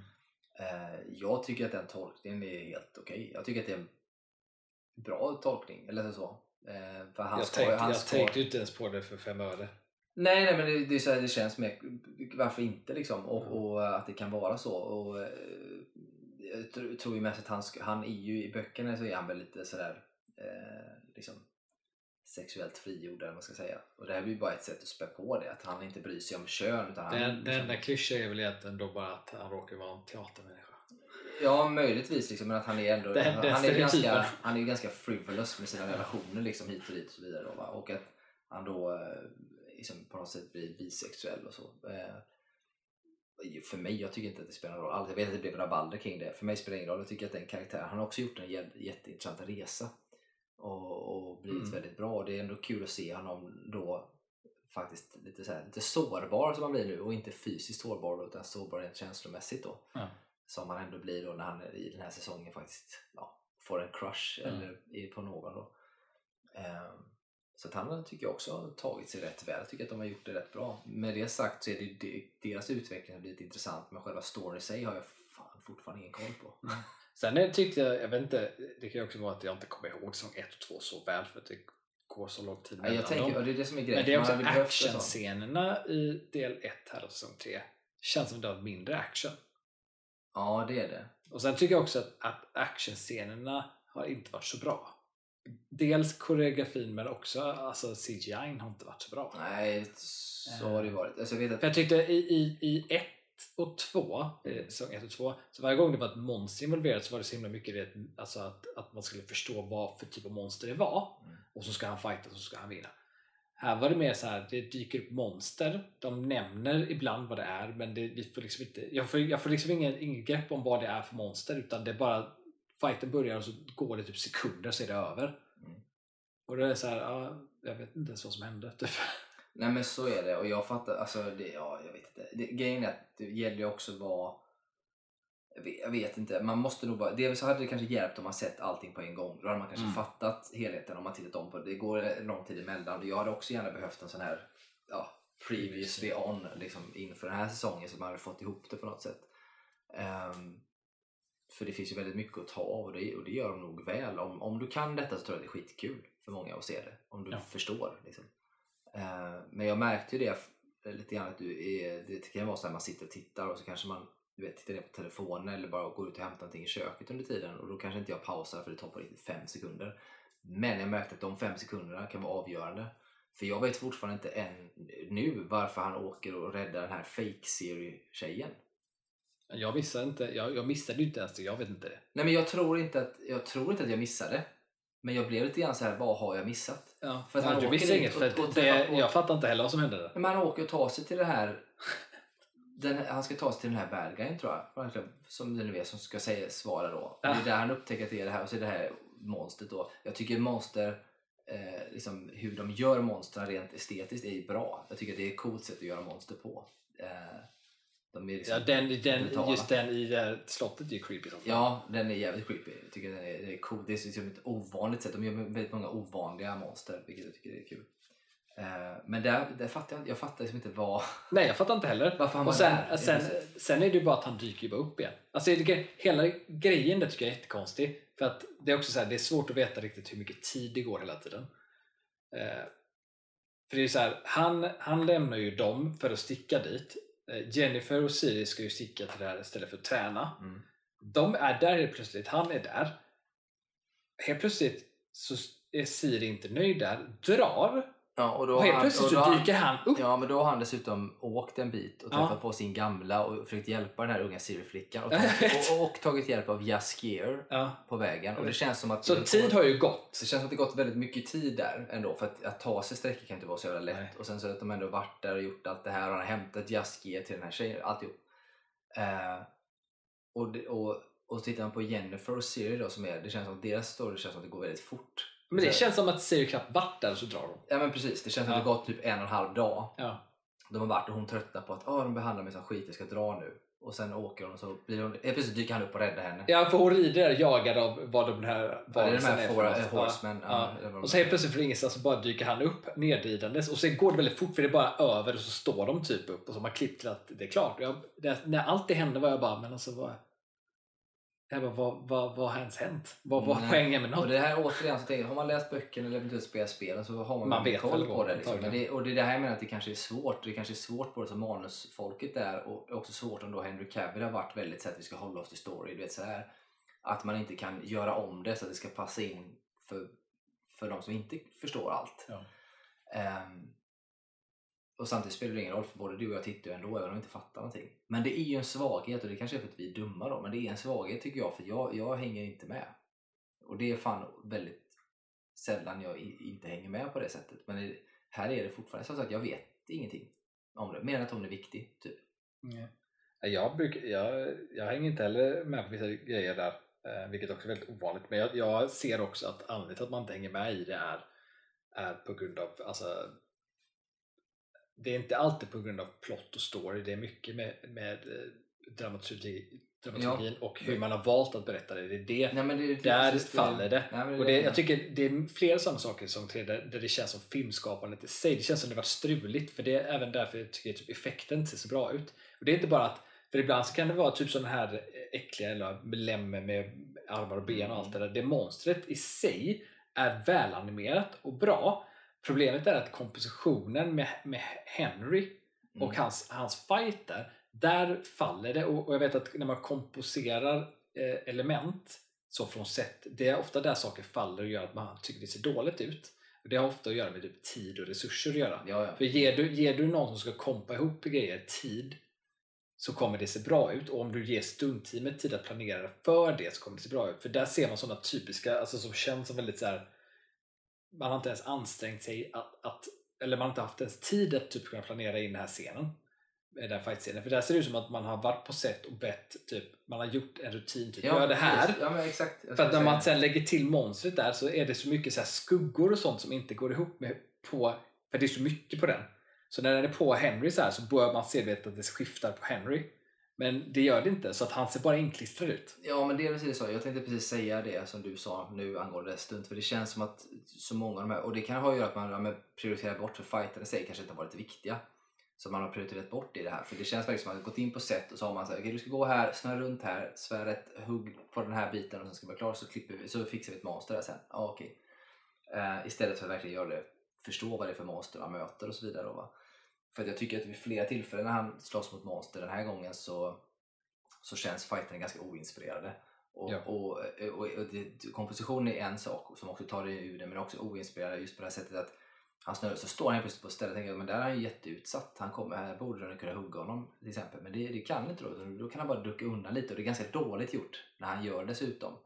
Eh, för det syns väldigt tydligt att det är typ det är nästan, det är nästan så pass dåligt att man tänker sig att man, det är som monstret är en stuntman i sig och Henry Cavill är en stuntman men så har de liksom tränat in den här och, och gör lite för sent. Typ som att, eller så här, man ska ju attackera så det ser ut som att det är på riktigt. Ja. Men så blir det typ som att okej, men jag attackerar nu, okej, då kan jag parera. Alltså så det ser ut som att de vet att det kommer precis där och då. Men alltså, det är för rutin- slarvigt. Rutinen är inte invand så att det kan inte gå så fort Nej det precis, det känns som att de ser man nej, svagheterna. precis, Ja, och det är därför det känns som att de kommer dit samma dag och i princip bestämt detta. För att, Jag, det, jag tror att allt det här har att göra med att det har varit strul. Alltså det har, det, man märker att det har varit strul i Witcher, alltså bakom scen. Alltså det har ju varit strul mellan Hen- Henry och manusförfattare, det har varit strul mellan, mellan det kreativa och det mer eh, vad ska vi säga, det produktiva också vet jag. I, bakom har det varit struligt. Jag tror Netflix har inte varit Alltså jag tror att Netflix var lite mer alltså, lösa i sina liksom i, i som ett speciellt att de lät dem liksom göra. Jag tror att de har liksom dragit in på mer resurser i säsong 3. Säkert så. Eh, sen får man väl se. Som sagt, det, jag tänker att de gör väl... Jag, jag, I min värld tänker jag att de gör ju säsong 3. Säsong 4 vet vi ska komma med Liam Hemsworth. Eh, och jag tänker att Liam- alltså, den säsong 4 kommer vara... Jag tror att de kommer göra den... Dels har jag, får jag för mig att den kommer vara kortare. Eh, Mycket möjligt. det, och att de kommer göra det så att det blir, inte kanske helt färdigt, men att det kommer bli så här så att den skulle kunna sluta efter det. Mm. För de kommer liksom avgöra om det är värt att fortsätta efter det, om den tappar så mycket rating till exempel. För Henry är ju den som drar mycket till att titta på den. Mm. Eh, I alla fall för min del så är det ju så att jag tittar ju med, alltså det är fantasy såklart så jag tittar ju kanske ändå, men många kanske tittar för att det är Henry Cavill just. Mm. Och skulle man se att det inte funkar i säsong 4 så kommer man lägga ner det. Liksom. Eh, Men jag tror att säsong 4 kommer märkas på det sättet att man jag tror det kommer märkas ännu mer att man kanske skalar ner saker. eh, Ja, lite mer. Men jag, jag hoppas jag att de skalar ner. med att... Jag hoppas att de skalar ner och samtidigt gör det med, med kvalitet i så fall. Ja, men det, ja. Eh, Hellre färre avsnitt och bättre kvalitet än för många avsnitt och sämre. Ja, och, och hellre, färre, he, hellre färre typ fighter då, eller Ja, vad det ja. kan vara, men med mer kvalitet. Ja. Men jag tror ju att jag tror ju att Netflix kommer bestämma sig för om de kommer ha en säsong 5 eller inte. Alltså en eller två månader in i inspelning av med Liam. För jag tror att de kommer se lite hur det går. Inte, inte alltså hur Liam kanske är som karaktären. Egentligen tror jag de kommer se mer hur hela teamet fungerar. Mm. Eh, för jag tror, jag tror tyvärr att det har varit för problematiskt med Henry. Alltså jag tror att det, det är teamet och, och eh, han som skådis och som så också stark röst i, i serien att det har klaschat där. Och jag tror att Netflix kommer se hur, hur om det flyter på bra eller inte. Flyter det på bra och produktionen, det är inga problem med Liam så tror jag att det finns förhoppning om, om fortsatt. Men om det fortfarande strular med liksom Ja, så, så tror jag att de kommer... Så, så kan det absolut vara. Eh, samtidigt så tänker jag mig att, att det kan lika gärna vara så att de inte säger någonting. Och så går jag tror inte att de säger det, jag tror de kommer bestämma sig Ja, ja, så att de kan kommer det säga något för en. Nej, så kan det vara. Men jag tror ändå att det kan vara så att även om de tycker att det går bra där så ser de på säsong 4 sen att ja, men ratingsen är skitdålig. Jag går ratingen dåligt så Och kommer de kommer de bli skita i- skit ja, ja, ja. Men sen så vet jag också, för det är en bit, det är som vi pratade om det innan att det görs för mycket överhuvudtaget. Och det tror jag många börjar märka nu. För att det ser man bara på bio, alltså storfilmer på bio till exempel som folk går inte och ser. För det är för många liksom, som kommer. Och jag tror att det är samma sak på streamingtjänster och sånt. Och att Netflix framför allt har fått väldigt, väldigt mycket kritik för detta och det är det med att de cancelar serier ganska fort. Mm. Det vill säga att vi har en, en, en säsong av någonting som är rätt bra, folk kanske tittar men det liksom, lever inte upp till riktigt deras förväntningar då, de är inte punga ut och så lägger man ner och då vill folk inte längre engagera sig i en serie. Man vågar inte det. Och jag kan helt köpa det resonemanget för jag ser så många serier, och det är inte bara på Netflix, men det är serier jag ser ibland som tänker det här är bra, ser ett avsnitt och tänker att jag vill inte se den om, om det inte finns en fortsättning. Liksom, sen, om jag vet att den, att den inte kommer få leva vidare. Um, så där kan man väl hoppas att Netflix skärper sig. Så skala, återigen sån här grej att de skalar tillbaka, gör färre grejer men att de faktiskt slutför grejerna. Att då vet man att det kommer vara lite grann som de ändå har gjort med Stranger Things. Där finns det, har det funnits ett början och ett slut så de har liksom haft hyfsad koll på. De vet att det kommer bli max, vad blir det nu, fem säsonger då. Mm. Uh, det har man liksom vetat ganska länge. Att det handlar om kanske fyra, fem säsonger någonting och, det, och så gör man det det, det, så behöver man ju göra för att en serie kanske först blir populär efter två säsonger när folk hittar den och ryktet sprider sig. Så man behöver göra mycket mer så. Det kan ju dessutom vara så att men du gör en säsong som går från början till slut på tre säsonger kanske i alla fall. Så du, ja, men den fick ett bra slut. Vi har berättat historien. Det betyder att om fem 5-10 år så kan de gå in och titta på den för att det finns, det är en bra serie. Den kan ju lyfta på något sätt sen och bli mer aktuell. Men om du väljer att, att cancella en säsong mitt i en säsong två eller liknande då, så kommer då folk bli irriterade eller att man cancellar efter en säsong och så. Ja, alltså jag tror att eh, något som jag tror Netflix har börjat fatta också, många streamingtjänster har börjat fatta, men jag vet Netflix liksom inledde ju det rätt hårt vet jag, med så här, bara när man, eh, alltså produktionsbolag kommer med idéer så vill de ju alltid ha alltså då en breakdown för eh, säsongen men de vill ju också ha en, en eh, en synopsis ofta på vart serien kan leda och så ofta då vad händer i säsong två. Eh, och, och det tänket liksom har ju blivit så himla satt tycker jag i, liksom här, i den industrin att, så att om man ska göra en serie så är det alltid så att man, man arbetar på en serie men också hela tiden har huvudet, huvudet så här, vart kan serien gå? Och jag, jag, tror att det blir så mycket så mediokra serier för att man arbetar, man lägger mer tid på hur det ska gå ihop liksom, i saker som inte har gjorts än redan från start vilket gör att det blir trögt och jag tror det är bara som att se på alltså Marvel-filmerna, det är liksom stora svagheten är den här sammankopplingen och att man alltid måste tänka framåt och presentera saker som inte har hänt än. För att man vill tisa sånt, så det blir så mycket som att varenda jävla serie som kommer är, är bara så här, poängen är att det ska vara cliffhangers hela tiden och man ska hinta till saker som ska komma så att man kan behålla publik för fler säsonger. Men jag tror att kommer, man kommer tjäna så mycket på, vilket jag tror de börjar fatta, att man, man gör en säsong av någonting. Och om det går bra, då, som man precis gjorde mer förut, då renewar man den. Jag tycker Wednesday är ett väldigt bra exempel på det. Att det var inga planer på säsong två. Och att Netflix var typ tveksamma om det här, hur ska det gå med den här, men det var ändå att idén var att vi gör en säsong ett. Visst, den slutar på ett sätt som är så här, man kan fortsätta, men den skulle lika väl kunna aldrig bli någonting mer av den överhuvudtaget för att man liksom kört att det här ska vara en säsong av något. Och det är poängen. Sen så visar det sig, åh oh shit fan vad bra det är, ja men då gör vi säsong två. Och jag tycker så det är mer det traditionella tv-serier som var förr. Mm. Att man alltid väntade på ratings liksom någonting. Och jag tror att det är ett bättre sätt att hålla kvar publik och hålla kvar intresse. Ja, man gör det med, med, med bra kvalitet. Jag tycker som sagt att man borde få presentera, har man en idé som manusförfattare eller, eller som alltså, filmskapare på något sätt eller så här, vill göra någonting så tycker jag att man ska få presentera sin idé i sin helhet. Liksom. Jag tänker att så här tänker vi, vi följer de här, ta Stranger Things som ett exempel, så här, vi följer de här ungarna. Det, liksom, det här ska hända, det är massa små, man berättar lite små plot points här var det kommer sluta ungefär så här sen. Och då vet man man har ett ganska långt ark som kan vara, det kan ju vara, man kan ju sträcka ut det från 10 säsonger till två säsonger om man så vill. Men man har ett ark som man berättar, det var intressant, kan vara intressant att höra. Men sen så blir det viktigaste då, eh, som du säger, att man fokuserar på okay, vad gör vi säsong 1? Och att säsong 1 måste få ha en, en början och ett slut som är tillräckligt bra för att det både kan vara slut där men det kan också fortsätta. Och Wednesday är ett bra exempel, Stranger Things återigen ett bra exempel. För Stranger Things efter första säsongen skulle lika gärna kunna sluta där. Mm. I princip. För det enda som det teasar lite grann är att han, han kräks ju upp en sån här grej, eh, Will, i slutet på säsong 1 när han är tillbaka så kräks han ju upp den här eh, grejen och det kan ju bara vara så att, att det är en sån här tease till eh, som man kan lämna, lämna med bara. Att det kanske inte är över men serien är ändå slut. Liksom, vad det betyder. Så det behöver inte betyda att det kommer någonting mer egentligen. Det kan bara vara sån här som man gör i, i typ skräckfilmer när någon Ja, man tror man har klarat sig, sen så ser man att det finns ett spår av någonting kvar. Men det behöver inte betyda att det kommer en tvåa. Det är bara ett... Nej, jag tror också Stranger Things, för Stranger Things där har jag läst pitchen till Netflix Mm. från skaparna. Och där vet jag ju, där har de ju eh, rätt strukturerat då säsong 1. Eh, sen har de ju då eh, idéer för säsong 2, men idéerna är, är väldigt lösa eh, i den pitchen de gav. Och där tycker, jag, där, där tycker jag att man ser problemet och svagheten med den typ av att man vill ha projekt som liksom alltid ska tänka framåt. Där tycker jag också att Stranger Things visar det, för där är säsong 2 svagare än säsong 1 är. Mm. För att man har för att få investeringen i Netflix har man liksom försökt att säga vart säsong 2 ska gå och då har man börjat lägga upp saker och det är därför man har en sån scen med i säsong 1 i slutet.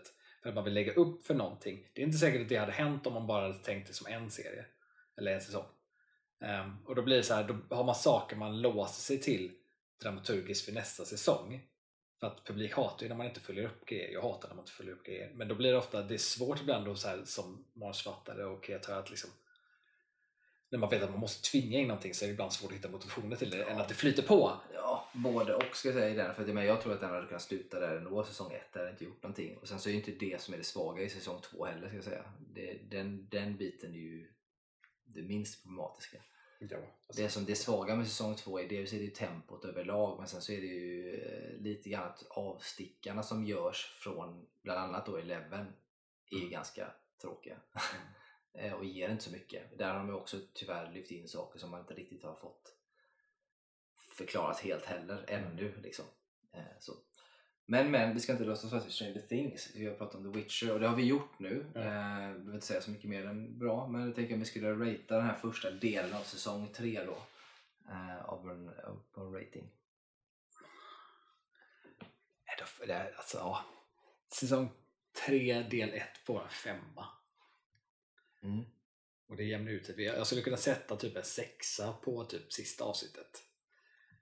Men jag skulle också sätta typ en trea på typ avsnitt två. Så att det, jämnar ut sig till en femma. Mm. Ja, jag förstår hur du tänker. Eh, jag, tänker nog på, jag tänker nog att jag ger den ändå en sexa.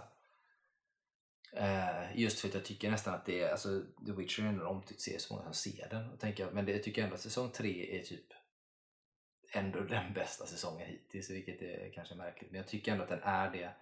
Eh, för att den håller sig hyfsat linjärt och den är hyfsat enkel att följa med i om man jämför med de andra. Men Eh, Den får ändå sexa för den är ju klart sevärd. De andra två säsongerna hamnar ju första kanske på, kanske på en femma eventuellt. Fast den är så jävla rörig. Men eh, där är det för att det är mer kvalitet på fightscener och sånt lite grann. Ja. Eh, och andra säsongen den kanske hamnar på typ en trea eller något liknande. Men det här kan jag ger den ändå en sexa. Eh, så får vi se vart det tar vägen. Bra, bra. Två eh, filmer kvar. Klassiker kan man säga, eller moderna, kan man säga moderna klassiker. Nu, vi är ju så gamla nu så jag vet inte om det är moderna längre. Jag vet inte vad man skulle kalla det klassiker överhuvudtaget. Nej, kanske inte i och för sig. Men det är två filmer eh, och vi kommer ju så småningom ha eh, specialavsnitt med, eh, med de här två huvudskådisarna från de här filmerna Ja. Eh, som kommer. Men det tar vi inte, det tar vi inte nu, det, det kommer så småningom. Men den första filmen, vi börjar med den som är lite mer rolig då kanske. Och det är ju eh, en Robin Williams-film. Mm. Eh, som jag har sett för, för länge sedan flera gånger. Men du har inte sett den, du såg den först för någon vecka sedan. Alltså jag, ja, när jag var liten har jag bara sett liksom, sekvenser här och var. Mm. Första gången jag tittade från start till slut var för några veckor sedan. Mm. Och det är ju då filmen Toys. Ja. Ja. Och vad, vad handlar den om? Ja, det handlar om, eh, det finns en, en, en leksaksmogul, typ kan man säga, som är jättekonstig. Han är så här, allting i hans liksom, fabrik liksom, ser ut som leksaker, allting är underligt. Det är, så här, det är lite så Willy Wonka Oompa Loompa stil på det, så här, Mm. att allting är, är konstigt för att vara konstigt typ. Men den här, ja, han, han eh, dör eh, i början av filmen och så ska han då är, ärva för, liksom sin, eh, hela industrin, sitt företag då och sin eh, grej till någon men känner att hans son som spelas av Rob Williams är för flummig eh, och kan inte ta det ansvaret eh, och hans dotter är liksom, hon, är, hon kan inte göra det för att hon är liksom, hon är liksom underlig så det går inte. Nu är alla underliga så jag vet inte ens egentligen vad något av det betyder i den här filmen. Så han lämnar istället, eh, han ärver då ner det här företaget till sin bror och hans bror är militär och helt tvärtom från han själv men han hoppas ju då att han ska kunna så här, föra in struktur och fortsätta liksom att allting rullar på. Det liksom är så. Liksom setup för filmen. Men alltså den här filmen var något av det sjukaste jag sett. Alltså, jag har aldrig tagit liksom, droger i hela mitt liv men det är ungefär när jag tittar på den här känns som att jag hade tagit LSD eller någonting. Det, det, det är så jag föreställer mig så här, att man ser världen på det sättet om man tar liksom, LSD.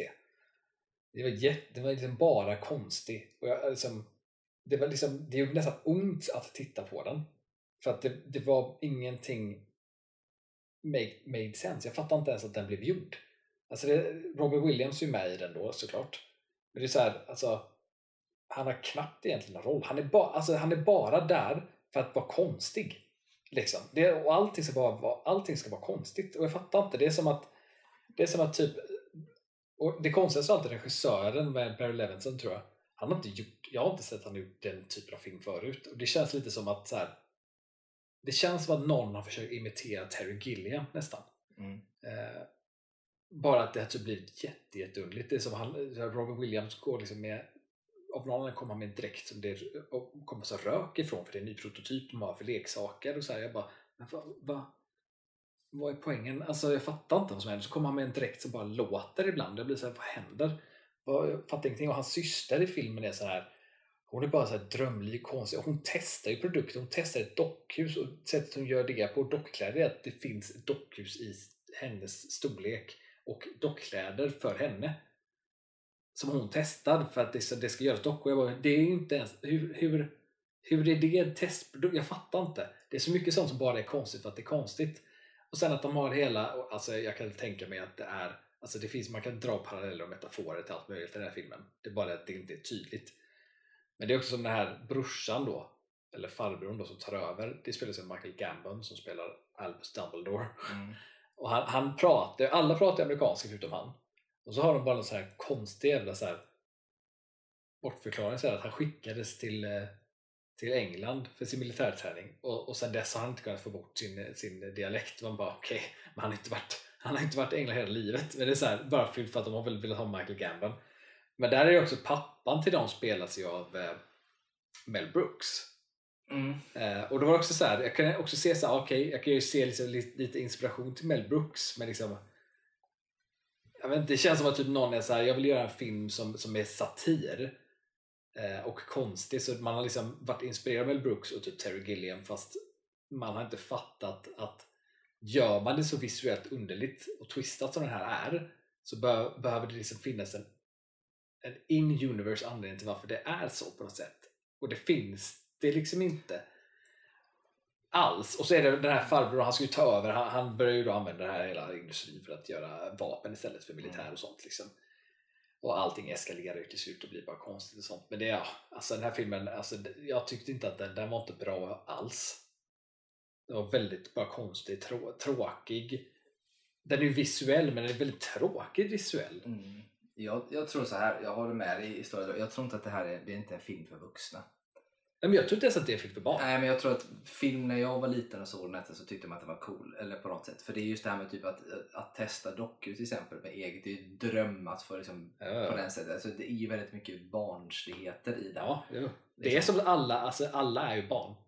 ja, i den. i princip. Vilket Men att de är vuxna. Vilket jag tror att den är typ riktad mer på det sättet. För det är ju verkligen som du säger, det är ju som Kalle och chokladfabriken på, typ, på LSD. Liksom. Eh, och en blandning så att du har både då eh, liksom Willy Wonka karaktärer som blandas med någon typ av Mad Hatter variant från liksom Alice i Underland. Alltså det är mycket sådana märkligheter i den. Men den är verkligen, jag, tycker, jag tror ändå att den är så klockrent ändå gjord för att vara typ en barnfilm som barn ska tycka om. Fast den känns på ett sätt så otäck ändå för att den har ju ganska Ja, alltså det- det- de jobbig har ju fan- liksom. De har ju fan en sekvens i den filmen när det sitter barn och på riktigt eh, kör, liksom, sitter vid liksom, skärmar och bombar folk. Mm, precis. För att de tränas till att göra det. Man bara okej, Mm. det var ju konstigt. Ja, Alltså, och det är det som är grejen, det är typ en barnfilm men den är ändå väldigt märklig. Och, men det, det var en annan tid då. När så gjordes. underlig.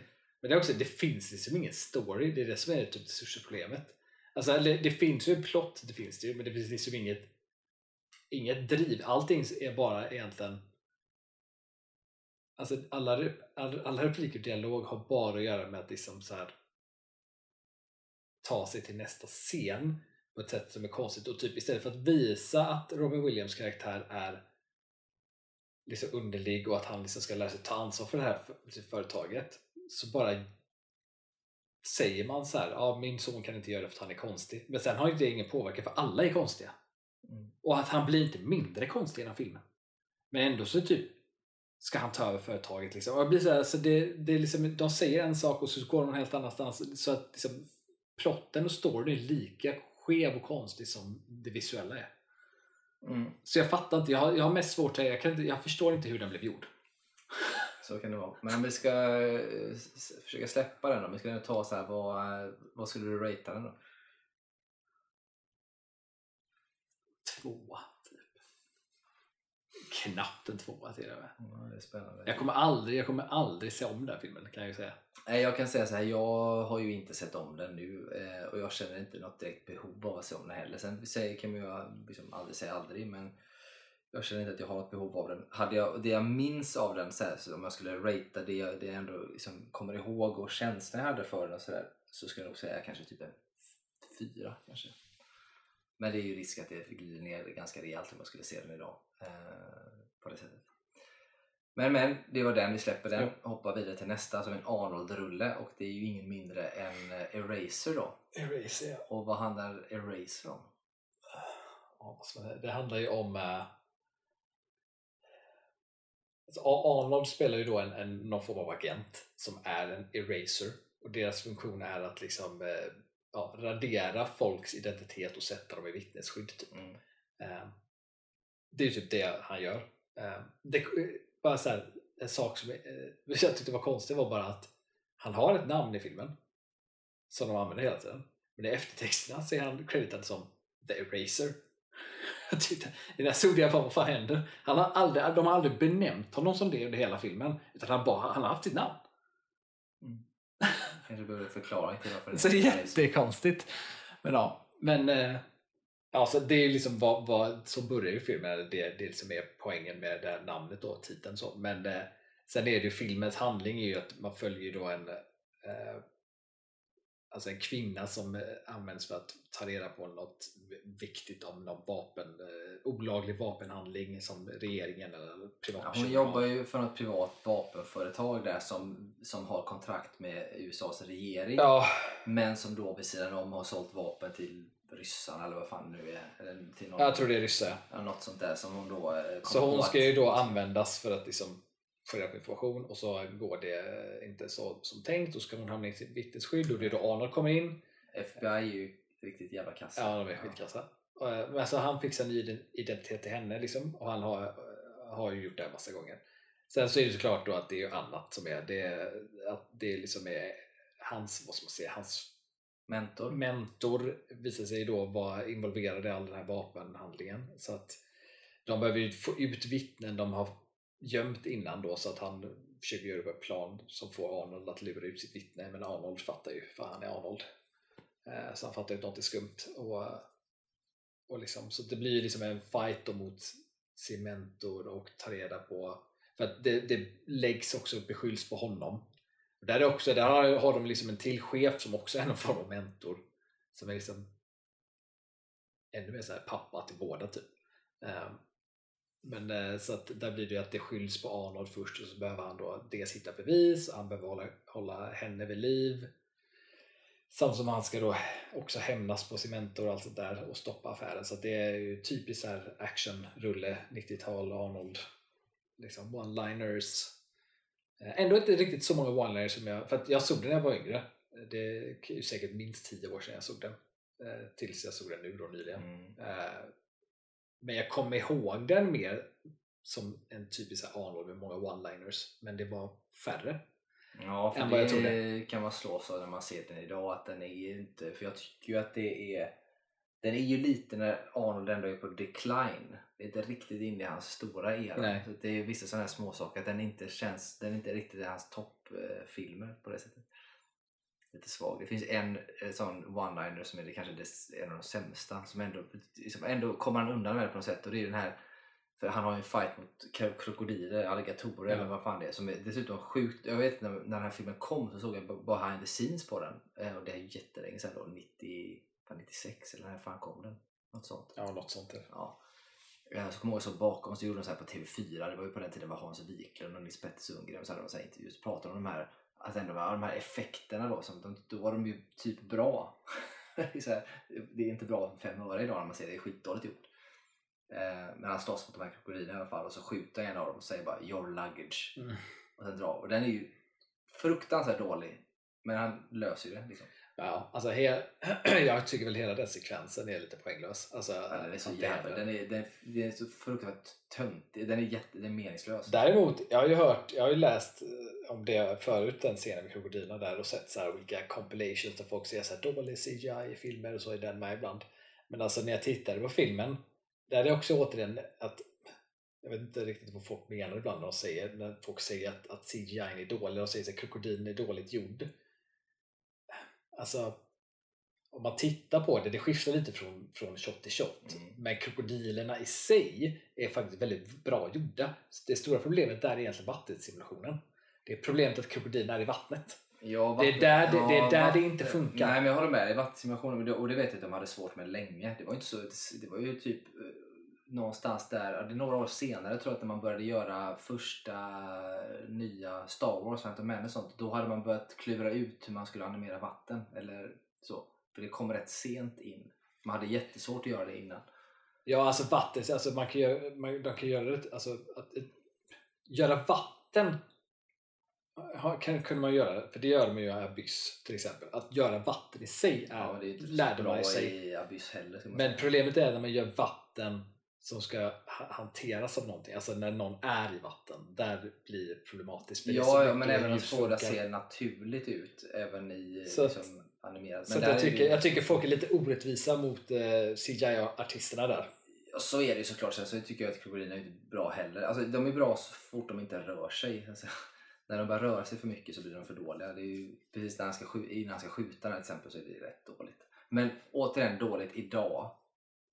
Inte dåligt då nödvändigtvis. För det, det finns ju ingen... De hade Nej, inte nej. kunnat göra det Ja, bättre nej, då nej. än Det- vad de gjorde. Liksom. Det, det är bara med ögon för idag. Ja, så det, det finns ju inget alternativ att de kunde gjort det bättre då. Det, det finns liksom inte på kartan utan det är så. Men det är lite roligt att, eh, att se det. Och där tänker jag återigen, för det var väl... Men det märks också, alltså det Man märks använder att man inte practical ja, effects förut. man, man märker att det inte var en, en vanlig grej att, att använda CGI på det sättet. absolut inte. För man ser att det, alltså, man, man märker att det är en typisk sån sekvens som är filmad där man inte har, man har inte det i sig, alltså i, i produktion. Alltså man vet inte hur mycket man, vad man behöver planera för och hur man ska göra utan man, man filmar och lite chansar och hoppas att det ska funka på Ja, sig. lite så. Sen vet jag att den blev som sagt skriverier just den här scenen och- det känns ju lite så eh, att det var som att det blev så stort just för att det var någonting nytt de gjorde typ, Ja. med det. Och den, hela den serien, alltså den hade ju inte behövts. Liksom. Nej, Men den, den är där.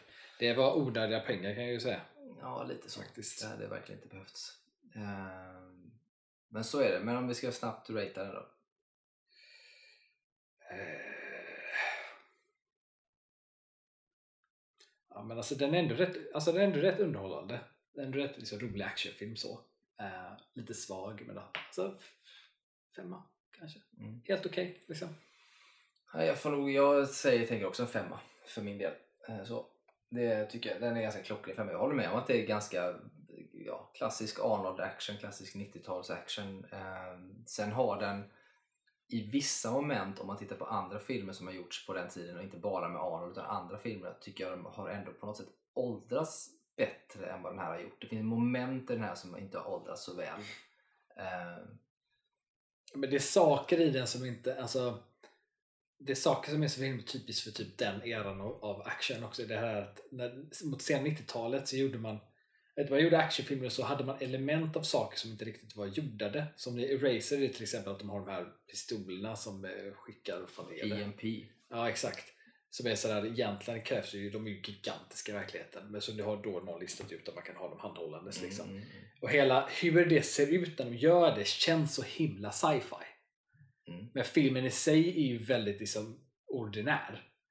Så att när man det tittar, ju- när man det tittar tillbaka på den så det- blir den, det, kän, det känns lite konstigt. Det känns inte riktigt som att det vapnet passar in i den Nej, tiden ska och det är vara ju i. som man får en förklaring. Så, Åh, de är jättestora de här EMP. Ja, men vårt företag har lyckats få ner den till den här. Och så här. Och det, det är väl lite grann eh, den, det som kanske inte åldras jätteväl. Sen det vissa saker just med så här tekniska detaljer. Och det är sådana här saker som idag så är man så noga med att det ska se så verkligt ut som möjligt. Och det ska finnas um, liksom tekniska förklaringar på saker och ting ska vara gjorda i verkligheten på något sätt. Men det tycker jag att man märker ganska mycket här att det här är liksom det här är manusförfattare sitter på, ingen teknisk speciell, alltså, specialitet som varit inne och sagt någonting om hur, hur det egentligen funkar i vissa saker. Nej, exakt. Eh, vilket man använder sig mycket mer av idag för att det ska vara rätt. Liksom. Ja. Och det är sånt som jag tycker just den här inte har åldrats så väl. Då, till Nej. exempel.